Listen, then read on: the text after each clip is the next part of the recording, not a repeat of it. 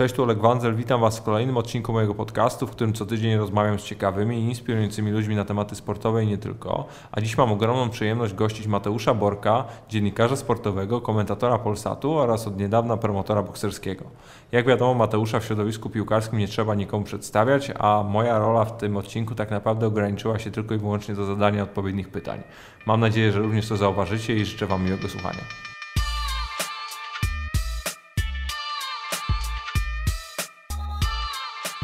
Patrzę na Ciebie, Mati, w sportowej wersji, to naprawdę się cieszę, że, że wpadłeś, bo rozumiem, że jesteś w jakiejś drodze na urlop. Dokładnie. E, Poniedziałek wieczorem w końcu z rodziną wyjazd, tym razem na Rodos. E, Trochę resetu, odpoczynku, słońca, sportu, wody, bo zrobił mi się już na twarzy arbuz po tych ostatnich trzech miesiącach, gdzie rzeczywiście nie miałem czasu na sport. Ciemne okulary to nie z racji grzechów popełnionych minionej nocy, tylko zapatrzyłem się na gwiazdę Twojego podcastu Bogusia Leśnodorskiego i, i chciałem wypaść nie gorzej.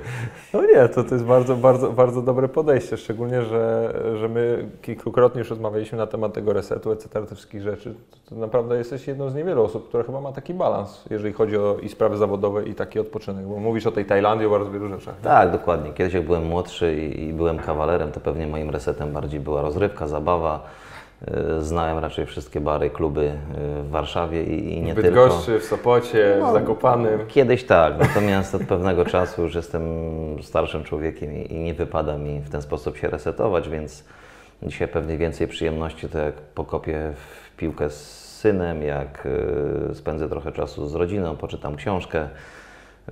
Y, Słońce generalnie kocham. To mnie, to mnie napędza, to mnie stymuluje, to mi daje siłę. Potrzebuję tych promieni do życia, stąd gdzieś no, znaczną część mojego życia i roku spędzam w Tajlandii, bo, bo wyobrażam sobie, że za paręnaście lat, gdzie już będę miał mniej energii takiej czysto zawodowej, to, to być może tam osiądę na stałe, Mm, ale, ale w tej chwili nie Tajlandia, tylko, tylko akurat na tydzień Grecja. Muszę wrócić, potem syn jedzie na obóz sportowy, wtedy ja gdzieś tam pewnie sobie znowu polecę na parę dni yy, z żoną, a a Tajlandię zostawiam na, na czas, gdzie tutaj jest śnieg, mróz, zimno. I nic ciekawego się nie dzieje. No, może nie aż tak, natomiast no, na pewno styczeń, luty ja mam taki dosyć luźny zawodowo i wtedy, wtedy dostaję taką zgodę w pracy na, na dłuższą przerwę, bo, bo też mój szef sobie zdaje sprawę, że żeby człowiek mógł dobrze pracować, musi być energiczny, musi być energetyczny, musi być wypoczęty, musi być naładowany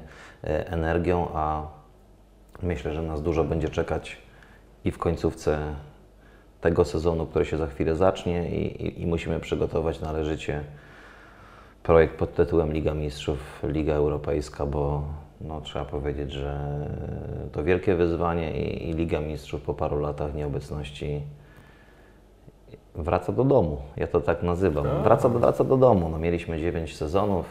Kiedyś pokazywaliśmy te rozgrywki w sposób nowatorski. Zobaczymy. No, w tej chwili trzeba wymyślić znowu coś, coś ekstra, coś nowego, żeby przykuć uwagę widza. Macie rok, żeby się przygotować, to też jest trochę czasu. Ja się bardzo cieszę na przykład, że te wszystkie prawa telewizyjne to mimo wszystko dają jakiś tam handicap tym e, no, nowym zwycięzcom czy, czy posiadaczom, żeby faktycznie się do tego przygotować, no bo wielu ludzi tam mia- miało mieszane uczucia co do tego, jak kanał pokazywał Ligę Mistrzów, no ale jestem przekonany, że jakoś Znaczy, tam kanał musieli się wyróżnić. Kanał nie? pokazywał w swoim stylu i ponieważ my też dysponujemy kanałem otwartym, to uważam, że u nas te prawa muszą być pokazywane w taki sposób bardziej eklektyczny, bardziej przystępny dla, dla normalnego człowieka. Ja sam jestem fanatykiem i szczegularzem w analizie futbolowej, to znaczy lubię poczytać statystyki, lubię się zastanowić, co z czego wynika i dlaczego tak to się złożyło, mimo że liczby wyglądały tak. Natomiast uważam, że dzisiaj jest życie tak trudne, czasami tak smutne, tak stresujące. Gonimy za wszystkim, za egzystencją, gonimy za pieniądzem, gonimy za jakimś tam mini sukcesem, czy w cudzysłowie karierą, bo ja zawsze mówię karierę, to miał Zbigniew Boniek, my wszyscy mamy jakąś tam przygodę, ja z mikrofonem, ktoś z biznesem, ktoś, ktoś z kancelarią prawniczą i tak dalej, i tak dalej. Także mm, myślę, że trzeba dzisiaj ten sport pokazywać w taki sposób łagodniejszy, weselszy, bardziej optymistyczny. To musi być taki sport z ludzką twarzą, czyli z jednej strony jakaś dyskusja merytoryczna, ale trzeba znaleźć taką formułę, żeby to było przystępne dla każdego kibica, bo Mi śmiechu brakuje, żeby wybaczyć, przerywam, ale to jest coś na przykład jak oglądasz, nie wiem, NBA bądź tego typu rzeczy, nie wiem, Shaquille O'Neal, Charles Barkley, etc. Nie mamy A, tego dokładnie. w polskiej telewizji. Wie, więcej w tym wszystkim musi być show, więcej, więcej rozrywki. Ja tak nawet tutaj szedłem dzisiaj do Ciebie i, i sobie pom- przypomniałem taką historię, że w 90 chyba 6 czy 7 roku, jak przyszedłem do kanału Plus, to mieliśmy wszyscy biurko obok biurka i nad moim biurkiem wisiała taka kartka, ponieważ e, Piotrek Kolkowicz, który dzisiaj komentuje Żużel w Eleven, a przez, przez lata komentował ten Żużel w kanale Plus i też był wydawcą programów piłkarskich, na niego mówiliśmy Pan Olo. I on każdego z nas tytułował też Pan. Ja byłem Pan Mati, on był Pan Olo i każdy miał taką kartkę jakby opisującą duszę i, i, i osobowość. No i nad, nad, nad moim biurkiem Pan Olo powiesił taką kartkę Pan Mati, Showtime and Entertainment De- Department i coś w tym jest. ja gdzieś generalnie zawsze szukałem uśmiechu, szuk- szukałem optymizmu i, i tego szukam sobie, tego szukam w życiu, tego szukam też w telewizji. Zatrzymajmy się chwilę na tym no, entertainmencie, o którym wspomniałeś, bo przede wszystkim muszę Ci przyznać, że zakładałem, powiem Ci szczerze, że będziesz powiesz, że dużo bardziej zmęczony, no bo dużo się dzieje ostatnio. No, stworzy, znaczy, stworzyłeś, wyprodukowałeś, zorganizowałeś swoją pierwszą galę bokserską, skomentowałeś Euro U21. Teraz jedziesz na krótki urlop, za chwilę znowu się jakieś rzeczy będą działy, więc naprawdę powiem Ci szczerze, nie wiem jak Ty to robisz, że jesteś w takiej formie fizycznej. Chociaż narzeka, że Nie, źle, ale fizycz, w fizycznej formie nie jestem dobrej, Aha. e, natomiast jestem w niezłej takiej kondycji psychicznej, bo to, co sobie założyłem, to udało się zrealizować. Wiadomo, że też nasze ciało bardziej boli, jak nie zgadza się głowa, jak tam jesteśmy pełni problemów i, i, i, i mamy problem ze samym sobą i coś nam nie wyszło. Jeśli chodzi o, o projekty, które sobie założyliśmy, to, to też większe jest zmęczenie i, i ciało nas po prostu z, czasami zwyczajnie fizycznie boli. Natomiast jeśli chodzi o ten mój ostatni projekt, to był, to był kaprys, to było marzenie, to była adrenalina. Y, Ja generalnie od, od wielu, wielu lat y, żyję w ten sposób, że potrzebuję nowych wyzwań. To nie jest tak, że piłka mnie nie podnieca, że piłka mi nie daje radości, że, że przez, nie wiem, jedne Mistrzostwa Świata czy, czy, czy poszczególne mecze reprezentacji ja nie czuję takiego fajnego podniecenia. Mam to w dalszym ciągu i, i, i jak to kiedyś minie, to znaczy, że to będzie pierwszy sygnał, że powinienem się zastanowić nad, nad końcem swojego funkcjonowania akurat y, w tej materii. Natomiast no, boks kocham od dziecka, tak jak i piłkę czy, czy zapasy, bo jestem z Dębicy, miasta, gdzie było Mistrzostwo Polskie w zapasach, gdzie było Mistrzostwo Polskie w boksie, gdzie była też, no, jak na miasteczko 40-tysięczne poważna piłka, bo to w ogóle był- było dużo sportu, tak, czy hokej, jeżeli no tak, pan, pamiętam. pamiętajmy, że to był sport jednak wtedy funkcjonujący na zasadzie sponsoringu państwa, to znaczy 100 mil y, Dębica, opony sponsorowały Wisłokę, gdzie była piłka, siatkówka i, i zapasy. Kombinat rolno-przemysłowy Iglopol w Dębicy sponsorował boks i, i piłkę w klubie Iglopol. Była też wytwórnia urządzeń chłodniczych, Włuch. Y, I ona z kolei w, w, przez pewien czas sponsorowała drużynę hokeja na lodzie, która nawet była w drugiej lidze, stąd też jakby moja miłość do tego sportu, bo, bo jako dzieciak no, mieszkałem bardzo często u babci blisko lodowiska i spędzałem po 7-8 godzin na lodzie i, i chodziłem na wszystkie mecze y, hokeja, ale, ale wracając do tego boksu, no to uciekało się praktycznie co drugą niedzielę po podniesieniu z kościoła, bo mecz, mecz ligi bokserskiej był o godzinie 11, ja chodziłem na 10 na mszę. No wiadomo, że człowiek wtedy taki był trochę niegrzeczny, to i tak do komunii się nie szło, więc po podniesieniu e, zrywaliśmy się z kolegami za 20.11, żeby na 11 zdążyć do hali. To była zawsze godzina 11, to była pełna hala, tłumy, brakowało biletów, Legia Warszawa. Jeszcze z Andrzejem Gołotą, który miał 17 lat, przyjeżdżał w białym podkoszulku. Pamiętam jak nasz ciężki Marian Klepka, e, no, który był zdecydowanie starszy, wchodzę do ubikacji, a on siedzi i w rękawicach bokserskich pali papierosa, bo, bo już zdawał sobie sprawę, jaka przed nim trudna przeszkoda, że przyjeżdża 17-letni Andrzej Gołota, wicemistrz wtedy świata juniorów, amatorów, także Legia, Gwardia, Czarni Słupsk, e, Jastrzębie, wiele innych klubów przyjeżdżało do nas. Mieliśmy wielu medalistów Mistrzostw Europy, Mistrzostw Świata, Mistrzów Polski. Krzysiu Wróblewski, Sławek Łukasik, Jasiu Wołejko, Darek Wasiak, Darek Czerni, Andrzej Krysiak, Marian Klepka. No, mógł- mógł- mógłbym tych pewnie zawodników jeszcze wielu wymienić. Czuję się tej- jak Tomasz Haj, to wiesz, wymieniał skład Kaiserslautern w tym No. momencie. Dokładnie, to było polskie pięściarskie Kaiserslautern. e, mo, mojej młodości.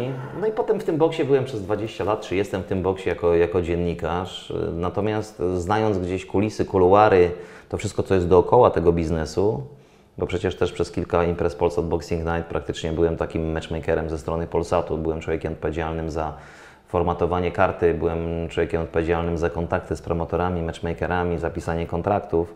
Natomiast jak dotknąłem tego jako organizator z wielu stron, to nabyłem bardzo dużo nowej wiedzy. Także Pokory też? pokory też, yy, z jednej strony radości, z drugiej strony zniechęcenia. Yy, Jest to bardzo specyficzne środowisko, trudne środowisko, środowisko takie, że jak się wszystko dobrze układa, to zarabiają wszyscy, jak coś się nie układa, to płacisz tylko ty jako promotor i, i wszyscy przestają odpisywać na SMS-y, na maile, przestają odbierać telefony.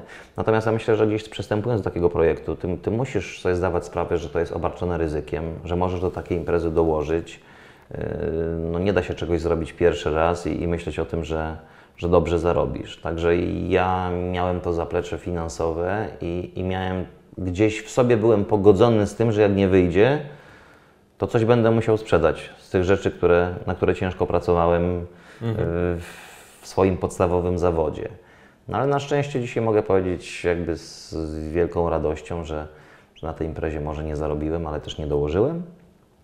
Mam w sobie entuzjazm, żeby projekt kontynuować, natomiast czy będzie kontynuacja, to już nie zależy ode mnie, bo, bo wiem, że się duży polscy promotorzy czają, żeby... No właśnie, bo ostatnio udostępniłeś na Twitterze, też ja to przeczytałem i, i z paroma jeszcze osobami później dyskutowałem na temat e, wypowiedzi Mariana Kmity w kontekście właśnie Polsat Boxing Night e, no oraz relacji z innymi promotorami, relacji z Tobą, jakby podejściu do, do marki, jaką jest PBN E, i, i z tego, no, z tej wypowiedzi no, wy- wyłania się środowisko boksu, które nie jest wcale takie kolorowe w tym momencie.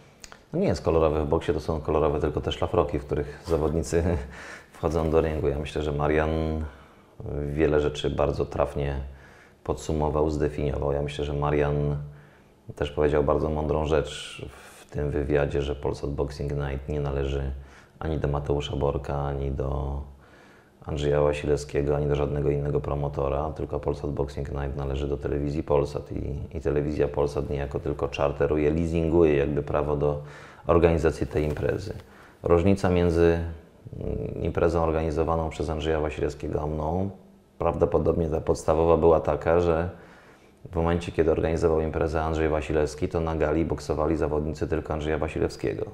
Ideą Polsat Bo- Boxing Night zawsze było to, żeby to było święto boksu, żeby na tej imprezie pokazali się zawodnicy od różnych polskich promotorów, Najlepszy. a najlepsi, a także ci, którzy nie mają akurat promotorów. Bo na przykład na tej gali u mnie boksował Mateusz Masternak.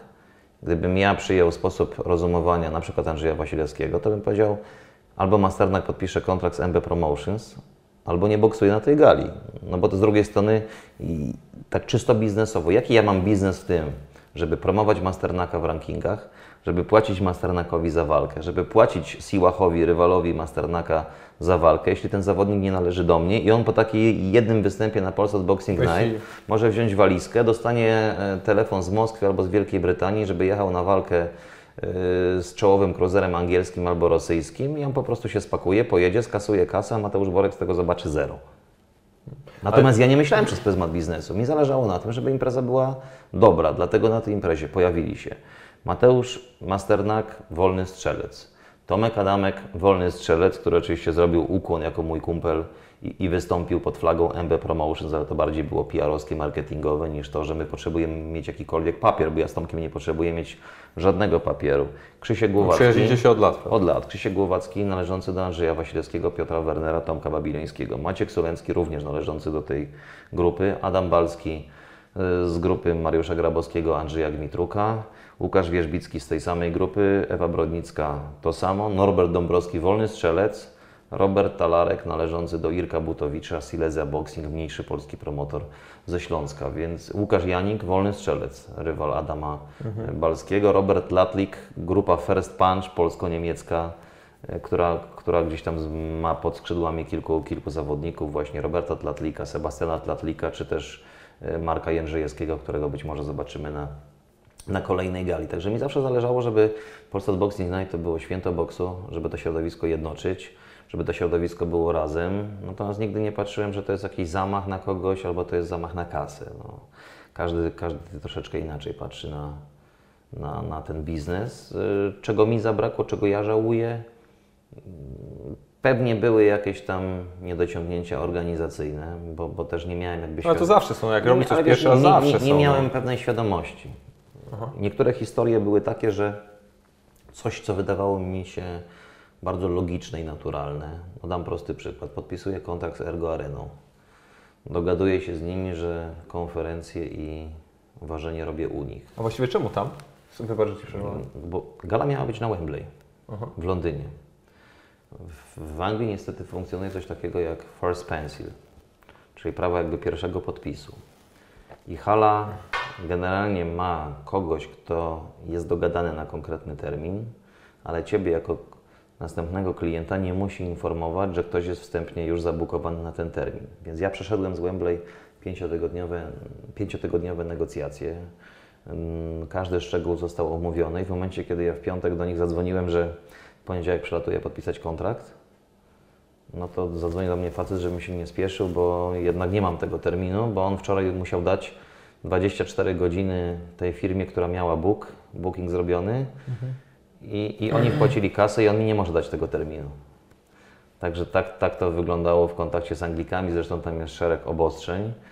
Mm, No i stanąłem jakby w ciągu jednego dnia przed pytaniem, czy robić w ogóle galę, czy ją odwoływać. Bo to też nie jest tak, że masz wolne... Już miałeś sprzedane bilety jakieś wtedy, czy nie? Jakby nie, jakieś nie, nie, preorder, bo, nie, bo jeszcze, nie, bo jeszcze nie ogłosiłem. A, to dobrze. Jeszcze nie ogłosiłem, natomiast no, Tauron Arena za, zajęta w Krakowie, Spodek zajęty, bo to takie, te wszystkie hale większe, czy Atlas Arena w Łodzi, to, to w zasadzie mają zajęte weekendy na dwa lata do przodu. Byś zrobił galę w Rzeszowie. No To by się w ogóle nie spięło i, i, nie, byłoby szans, chociaż tam słyszę, że jest odremontowana ta hala na Podpromiu. I... G2A, Arena. Tak, także słuchajcie, y, żeby opowiedzieć do końca, jak, jak to się skończyło. Maciek Kawulski miał założoną wstępną rezerwację na Ergo, której zapomniał odwołać, chyba z tego co pamiętam. Bo, bo galę zaczął, zaczął planować galę na stadionie, prawda? Ogłosił galę na stadionie w tym czasie. No więc mówi, bracie, chcesz to sobie weź ten termin i, i, i, i zrób tam w Ergo. Pojechałem do Ergo, wszystko się wydawało proste. Wszyscy mnie przekonywali, że super termin, bo dzieci w piątek odbiorą świ- świadectwa, Warszawa przyjedzie do Gdańska. I rzeczywiście wiele rzeczy, które przewidywaliśmy, się spełniły. Mówię jakby o sprzedaniu eventu. A finalnie ile było osób? 7 tysięcy. Czyli 7 tyle, tysięcy ile biletów. zakładałeś. Ja zakładałem, że 7, 7,5, może to będę bardzo zadowolony. Czego mi zabrakło tam? Na pewno zabrakło mi klienta na tańszy bilet.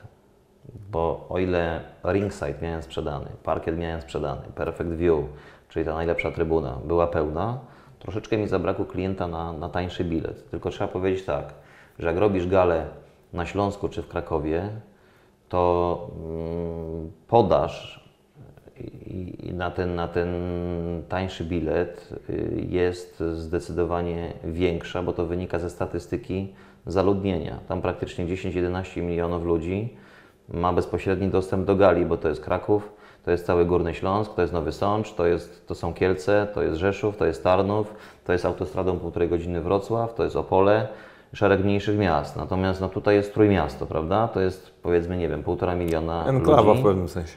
I teraz tak, czy człowiek z Katowic, fan boksu, bo te Katowice i Górny Śląsk to rzeczywiście jest takie największe zagłębie pięściarskie w Polsce. Tam jest ponad 120 klubów chociażby bokserskich, czyli z takiego klubu to się wy- wywodzi tak naprawdę klient na tańszy bilet, bo to są chłopcy, którzy trenują, którzy chętnie przyjdą zobaczyć mistrzów pięści. Fajną walkę No poczuć, tak, no tylko atmosferę i tak to mi dalej. powiedz, czy za 59-79 zł kupi klient z Katowic bilet, wyda 500 na paliwo i 600 na hotel w Trójmieście? Nie. Nie ma szans. Nie, nie ma szans. To jest chłopak, który kupi pay-per-view, który pójdzie z kumplami do knajpy, żeby obejrzeć wspólnie Mistrzów Pięści. Natomiast takiego klienta mi zabrakło i wydaje mi się, że gdyby ta gala była zorganizowana na, na południu Polski, na pewno te 10-11 tysięcy na takim evencie na trybunach by było. Yy, Także dla mnie bezcenny know-how. Ja myślę, że się tylu rzeczy nauczyłem, że, że to jest w ogóle niemożliwe, żeby przeczytać 100 podręczników biznesowych, 50 książek następnych, zrobić 500 spotkań i nie ma szans, żeby, żeby się tego nauczyć, jak człowiek tego raz w życiu nie zrobi. Ale co do tych rzeczy oczywistych, to na przykład, nie wiem, no, e, robię konferencję ważenie w Ergo i nagle pisze do mnie pan maila, E, Panie Mateuszu, trzeba jeszcze wynająć gumy, takie zabezpieczające parkiet. No bo tam trenują koszykarze i żeby ten parkiet się nie zniszczył, jak przyjdą dziennikarze na konferencję, no to nie, nie mogą te krzesła stać bezpośrednio na parkiecie, tylko trzeba je zabezpieczyć takimi czarnymi gumami. Ja mówię, oczywiście nie ma problemu, ja to rozumiem, szanuję, bardzo proszę. No i przychodzi dzień konferencji, jest 11 rano, ja przyjeżdżam do hali zobaczyć, czy wszystko jest przygotowane, czy ścianka stoi, czy krzesła są przygotowane. Spięte i tak dalej. No, a- tutaj tak, pusta hala, pusta sala gimnastyczna i trzy tony tych gum leży pod ścianą. Bo wynajmujesz te gumy i nikt ci nie powie, że to jest, yy, że to trzeba sobie samemu rozwinąć. Więc, więc ja jako promotor, poważny ze swoimi kolegami, sam te gumy rozwinąłem w półtorej godziny. Pojechałem się potem wykąpać i, i dopiero przyjechałem poprowadzić To już rozumiem czarną koszulę w takim razie w tej no, sytuacji. Także, także wiesz, no, dużo takich było sytuacji trudnych, dużo sytuacji, które trzeba było opanowywać w minutę, gasić pożar, ale miałem wokół siebie też ludzi takich fajnych, oddanych, przyjacielskich. No, myślę, że na czele z Mariuszem Grabowskim z Tymeksu, który mm, niczego ode mnie nie chciał, nie miał takich aspiracji, żeby być moim wspólnikiem przy tej imprezie, a bezinteresownie przez kilka dni mi pomagał i zależało mu na tym, żeby ta impreza wyszła. Także wiem, że w środowisku ktoś się doszukuje jakichś koneksji biznesowych Mariusza ze mną, że, że pewnie on tam był cichym wspólnikiem. Nie, nie był.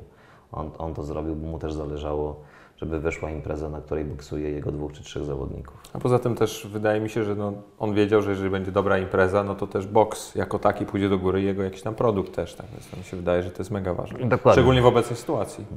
A jak wygląda kwestia e, Twoich relacji z, no, z przedstawicielami KSW, z Kawulskim, z Lewandowskim? Bo też wspominałeś, że oni Ci bardzo pomogli nie tylko z terminem, ale też z bardzo różnego rodzaju innymi rzeczami, oświetleniem, dźwięk, etc. No, wiadomo, no, yy, wystawili mi za to fakturę. Tego Nie, no tak, oczywiście. Zacznijmy. Natomiast y, ja myślę, że mam bardzo dobre relacje od lat z Martinem i z Maćkiem. Pamiętam tych dwóch młodych chłopaków, którzy przyszli do Mariana Kmiety do Polsatu i starali się przekonać, że jest coś takiego jak MMA, że warto w to zainwestować, że warto temu poświęcić czas.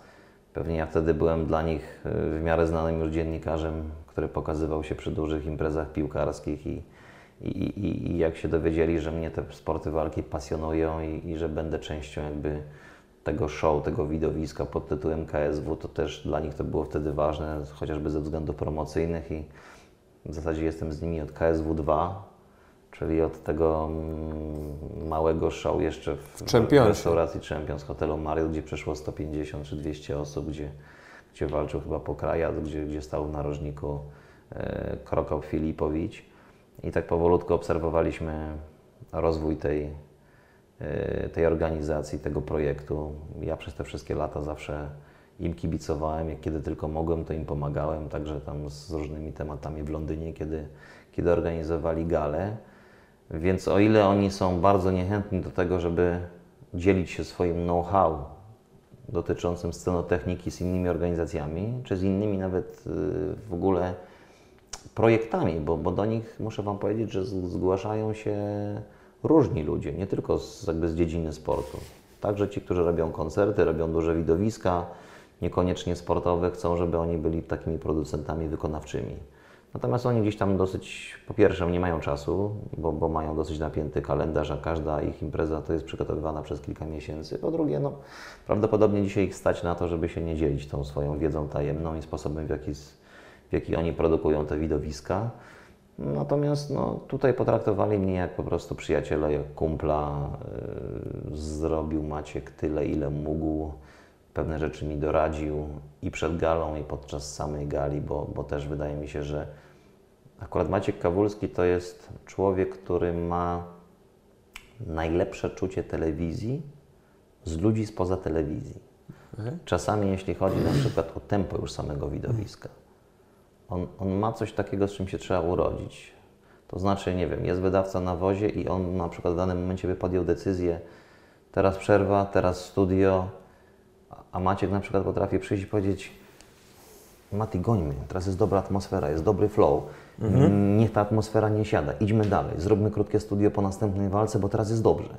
I, i, A to faktycznie mega niespotykane, jak masz właśnie kogoś, to przeciwko tym utartym skryptom jakoś działa, nie? Tak, tak, nie, no oczywiście my, my mamy często scenariusz jakiś taki ramowy, natomiast no, to, to też na tym polega inteligencja w pokazywaniu telewizji, żeby umieć taki scenariusz modyfikować, patrząc na reakcję publiczności, patrząc w jakim tempie jest ta gala.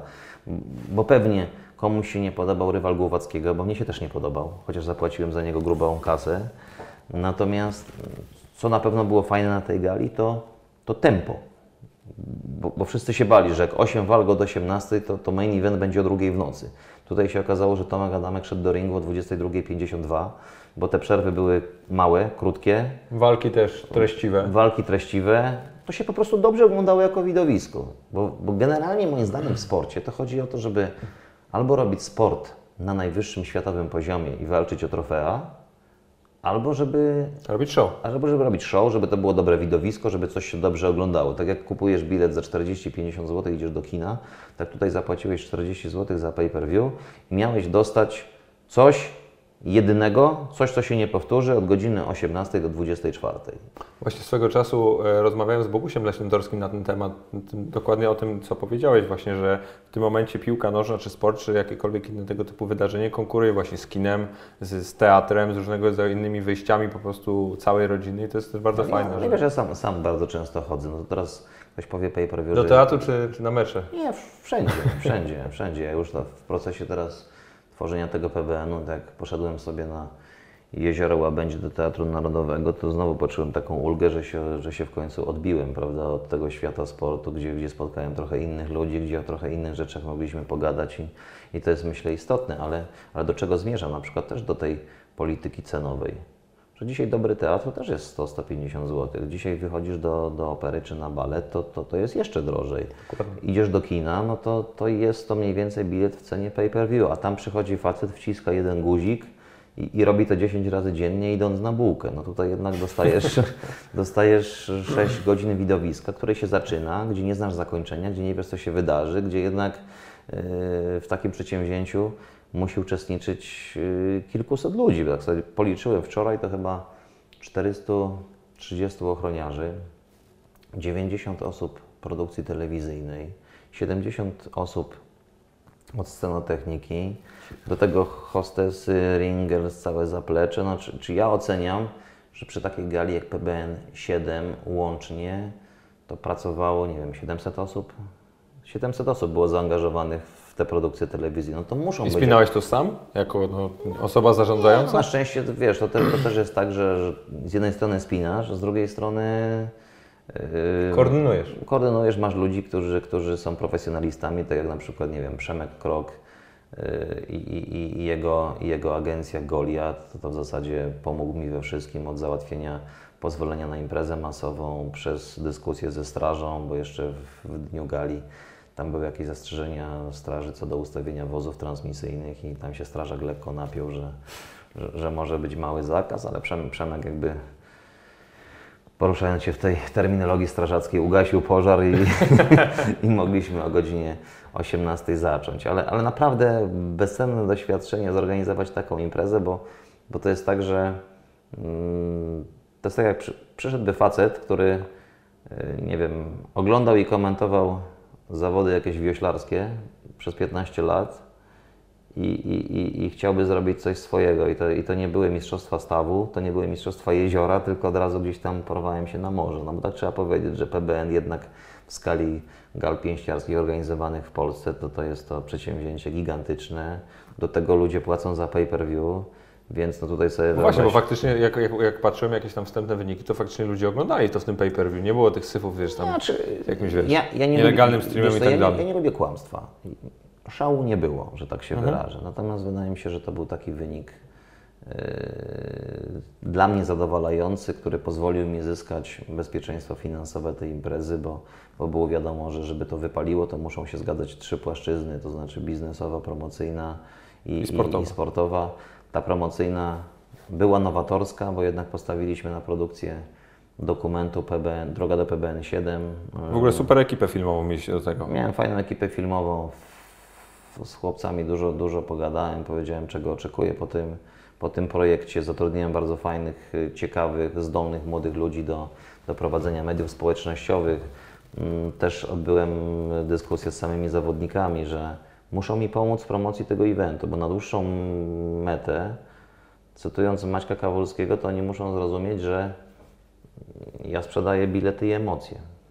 Ja sprzedaję bilety i emocje i, i jak ktoś dzisiaj się nie chce angażować w promocję takiego eventu, tylko mówi, ja jestem sportowcem, mnie to nie interesuje, wy sobie tam promujcie jak chcecie, a ja do tego nic nie mam, no to po prostu więcej nie wystąpi na takiej gali, bo, bo albo się angażujesz, albo pomagasz w tym interesie. No są, są wielcy zawodnicy na świecie na czele z Kubańczykiem Guillermo Rigondo, którzy są absolutnie mistrzami pięści, y, którego wielu fachowców gdzieś klasyfikuje w pierwszej piątce na świecie bez podziału na kategorie wagowe, a facet tak naprawdę nie zarabia kasy, nikogo nie interesuje i nie organizują mu wiel- wielkich walk, bo nie budzi zainteresowania publiczności. Ci chłopcy muszą rozumieć, że, że nie ma innej drogi dzisiaj dla nich, jak budować sobie takie swoje małe enklawy kibiców, No które, które stają się coraz większe. Dokładnie, no masz, masz nawet naprzeciwko Conora McGregora, który no, bokserem nie jest, a w tym momencie nim został i to jakie show robi wokół tej swojej walki z Mayweatherem, to jest Dokładnie, ale dam na przykład taki przykład Adama Balskiego, bo u nas wielu zawodników, na czele z Krzyśkiem Włodarczykiem, zawsze mówiło nie lubię piłki, nie lubię piłkarzy, to mnie nie interesuje, to jest amoralne, ile oni zarabiają. Błąd, kolejny błąd. Zarabiasz tyle, ile ktoś chce bo ci ja dać, no na come on. przykład zawsze mówię tym chłopakom w Polsce, popatrzcie na boks brytyjski, którym się dzisiaj zachwycacie, gdzie jest frekwencja, gdzie jest kapitalna atmosfera na galach, gdzie jest wielkie zainteresowanie. Z czego to też wynika? Z tego, że zauważcie, że praktycznie każdy zawodnik angielski identyfikuje się z jakimś klubem. To już kiedyś pamiętamy Ricky Hattona, prawda, jak tam identyfikował się z Manchesterem City. Natomiast dzisiaj, jak jest ta atmosfera na, na galach brytyjskich, to jest związana z tym, że ten kibic angielski ze stadionu przychodzi prosto do hali, żeby swojego chłopaka dopingować. I gdzieś ta publiczność piłkarska, ona jest też bardzo istotnym elementem ogólnej publiki boksu zawodowego w Anglii. Komu Joshua kibicuje? Wiesz? Ja nawet nie wiem. Ja też nie wiem. Nie się zastan- się zastanawiam, muszę zapytać, bo mam, mam kumpla. Londyńsko coś pewnie. Mam kumpla Polaka, co z nim ćwiczy, to, to, to, to go zapytam. Natomiast yy, Wracając. Adam Balski, młody chłopak, schodząca gwiazda, 10 walk zawodowych. Myślę, że materiał na, na fajnego zawodnika. I duża historia taka osobista, bo były zakręty w jego życiu, a, a dzisiaj gdzieś ten sport uratował mu życie i fajnie boksuje i ma talent. Ale chłopak, który no, mm, wywodzi się jakby z, z tego środowiska kibicowskiego klubu z Kalisza. I wyobraź sobie, że taki Adam Balski, no to sprzedał pewnie sam 200-300 biletów na taką galę. I to jest jedyna droga na dłuższą W metę. środowisku tam u siebie. Tak, i to, i to jest. i Oczywiście on, on nie sprzeda 40-50 VIP-ów, ale ja nie potrzebuję, żeby on sprzedawał 40-50 VIP-ów, bo ja sobie VIP-y sprzedam sam jako promotor. Bo ja mam partnerów biznesowych, bo ja mam ludzi, którzy mi kibicują, bo ja mam ludzi, po prostu znam ludzi z innych środowisk. Natomiast no, przy założeniu, że mamy 8 walk, 16 zawodników i 11 Polaków, gdyby każdy sprzedawał tak bilety jak Balski, to 4000 już by sprzedał przez zawodników biletów, a resztę sprzedałbyś w normalnej sprzedaży kibicom boksu. Także taki zawodnik, czy on wypadnie raz lepiej, czy wypadnie raz gorzej, to każdy promotor będzie chciał go wystawić zawsze na gali. Bo to jest gwarancja, że praktycznie on przez swoją popularność za chwilę zarobi na swoją garzę i ci chłopcy muszą to rozumieć. Mi się wydaje też, że to jest największy w ogóle problem w dzisiejszym sporcie, że no, zawodnicy chcą się niby skupić na, na, na treningu i, i na tym performanceie sportowym, ale nie rozumieją też tego, że masz no, trzy czy cztery inne sfery, w których też się muszą jakby faktycznie dobrze pokazywać. No, Ale słuchaj, z czego wynikały na przykład pełne hale na walkach Tomka Adamka? Z kilku rzeczy. Pierwsza, pojechaliśmy, pojechaliśmy do United Center, gdzie Tomek Adamek, nikt go nie znał, dostał szansę boksowania o wakujący pas mistrza świata kategorii półciężkiej z Polem Brixem. Bo to była taka walka last minute, gdzie Tomek dostał szansę i pojechał. I co się dzieje? On daje wojnę z Brixem, na trybunach jest 20 tysięcy ludzi, bo nie przyszli na Tomka, oni przyszli na walkę Andrzeja Gołoty z, z Lejmonem Brewsterem, który no, w końcu miał zdobyć pas mistrza świata kategorii ciężkiej. Ale ponieważ Tomek ze złamanym nosem daje wojnę, 12 rund, wygrywa pas mistrza świata, a Andrzej pada w 53 sekundy, to błyskawicznie ta Polonia ma nowego bohatera, ma nowego idola. Ale to też nie jest tak, że Tomek wygrywa pas mistrza świata w Chicago i to ma bezpośrednie przełożenie na to, że potem przychodzi 5, 7, 9, 11, 14 tysięcy na granta do Prudential Center. Nie. Tomek stosuje marketing bezpośredni. Jest na tych wszystkich paradach, jest to tydzień w parafii polskiej w kościele, chodzi na te wszystkie spotkania, to są tysiące zdjęć z Polakami, bo też rozumie to, że jak facet idzie na budowę, czy idzie w inne miejsce pracować i ma wydać te swoje 50 dolarów ciężko zarobione przez kilka godzin i ma tak spędzić sobotni wieczór, to nie wystarczy, że on idzie na dobrego boksera Adamka. To nie wystarczy, że to jest walka o Mistrzostwo Świata. On musi czuć, że ja idę na kogoś, kogo znam, I że ten człowiek dla Ciebie boksuje, że nie? to jest mój kolega, że to jest mój znajomy, że jest fajny gość, że był miły, że zrobił sobie ze mną zdjęcie, że poświęcił mi kilka minut, że pogadaliśmy chwilę. No tam nie ma innej drogi. Tylko w ten sposób jakby budować relacje z, z kibicem. I, I akurat Tomek to rozumiał i, i, potrafił sobie tę publiczność zbudować. A jak budujesz sobie publiczność, to się uniezależniasz finansowo, bo to za chwilę zaczynasz zarabiać, bo ty masz bilety. Jak masz bilety i masz ludzi, to znowu masz inną kartę przetargową w rozmowach z Halo, bo ja pamiętam jak on zaczynał z Prudential Center, za pierwszą galę w Prudential, która się otwierała, zapłacił. Za drugą zapłacił już zero. Dlaczego? Dlatego, że Hala na przykład w Ameryce ma prawo do sprzedaży alkoholu. Jak on przyszedł do nich i, i oni do niego nam mówią, nie wiem, 50 czy 70 tysięcy za halę, on mówi, dobra, to ja idę do innej hali. Nie, nie, nie, to poczekaj, poczekaj. Bo już sobie przeliczyli, że Polacy wypili cały alkohol, prawda, na, na, na poprzedniej gali, więc oni wiedzą, że ten zarobek jest gigantyczny i, i po prostu stał się ich partnerem. To znaczy, oni go nie kasowali za halę, a oni mieli prawo do, do sprzedaży wszystkich rzeczy podczas, podczas gali, gdzie on, gdzie on boksował. Także no ci chłopcy, ja wiem, że przede wszystkim się muszą koncentrować na tarczy, na worku, na sparingach, ale byłoby dobrze, gdyby też no, patrzyli na, na boks przez, przez pryzmat biznesu i że oni są ważną częścią tego biznesu i że muszą pomagać budować ten, ten biznes. No to jest taki sam case jak w polityce, tak? To, to jest dokładnie, no głosy się wygrywa momentami, kiedy ty jedziesz do tych ludzi, ty z nimi rozmawiasz, uściskasz, uściśniesz, uściśniesz im rękę. Słuchaj, nawet, nawet, tego typu nawet, e, gesty, nie? nawet Frank Underwood musiał jeździć. On szczególnie musiał jeździć. Szczególnie musiał jeździć. A jak w tej całej sytuacji, jaką rolę odgrywał Polsat? No, oprócz tego, że no, to jest ich brand, ich, ich cała no, marka i, i wszelkiego rodzaju inne rzeczy. No, poprzednie gale były bezpośrednio organizowane przez ekipę Polsatu, sam byłeś tego częścią. Ale jak się układała Wasza relacja teraz przy PBN7?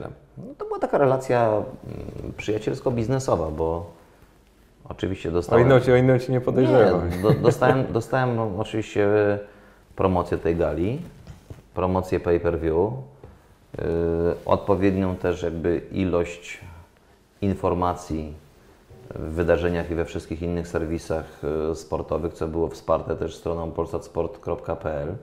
Natomiast yy, no, to był też układ biznesowy. To nie jest tak, że robił galę Mateusz Borek, to telewizja Polsat dała mu kasę i, i, i zapłaciła za produkcję. My mieliśmy od początku do końca umowę biznesową. Ja zdawałem sobie sprawę, ile kosztuje produkcja, ile za z tej produkcji pokryje Polsat, ile ja będę musiał zapłacić za tą, za tą produkcję.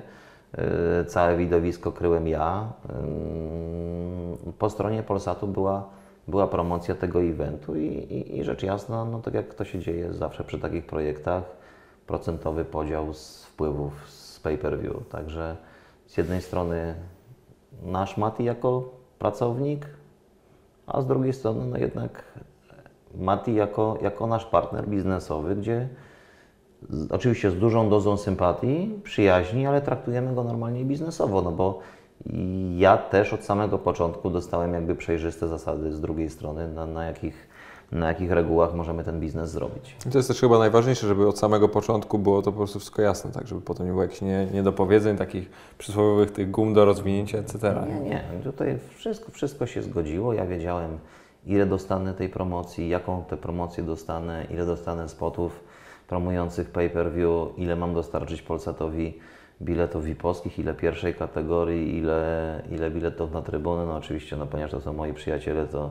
to gdzieś tam im bliżej gali, tym, tym ta pula y, się trochę zwiększała, ale, ale generalnie wydaje mi się, że to wszystko przebiegło bez, bez, bez żadnych problemów, bez żadnego konfliktu, z taką dużą dozą sympatii z dwóch stron, więc, więc zobaczymy, jakie będą kolejne decyzje, bo, bo ja szczerze mówiąc chciałbym coś zrobić na koniec roku, ale też słyszę, że jeszcze dobrze ta hala się nie wygasiła ergo, a już, już do Polsatu dzwonią polscy promotorzy, którzy by chcieli to zrobić samemu, no bo też popatrzmy, czy kilkanaście miesięcy nie było chętnego, żeby PBN zrobić.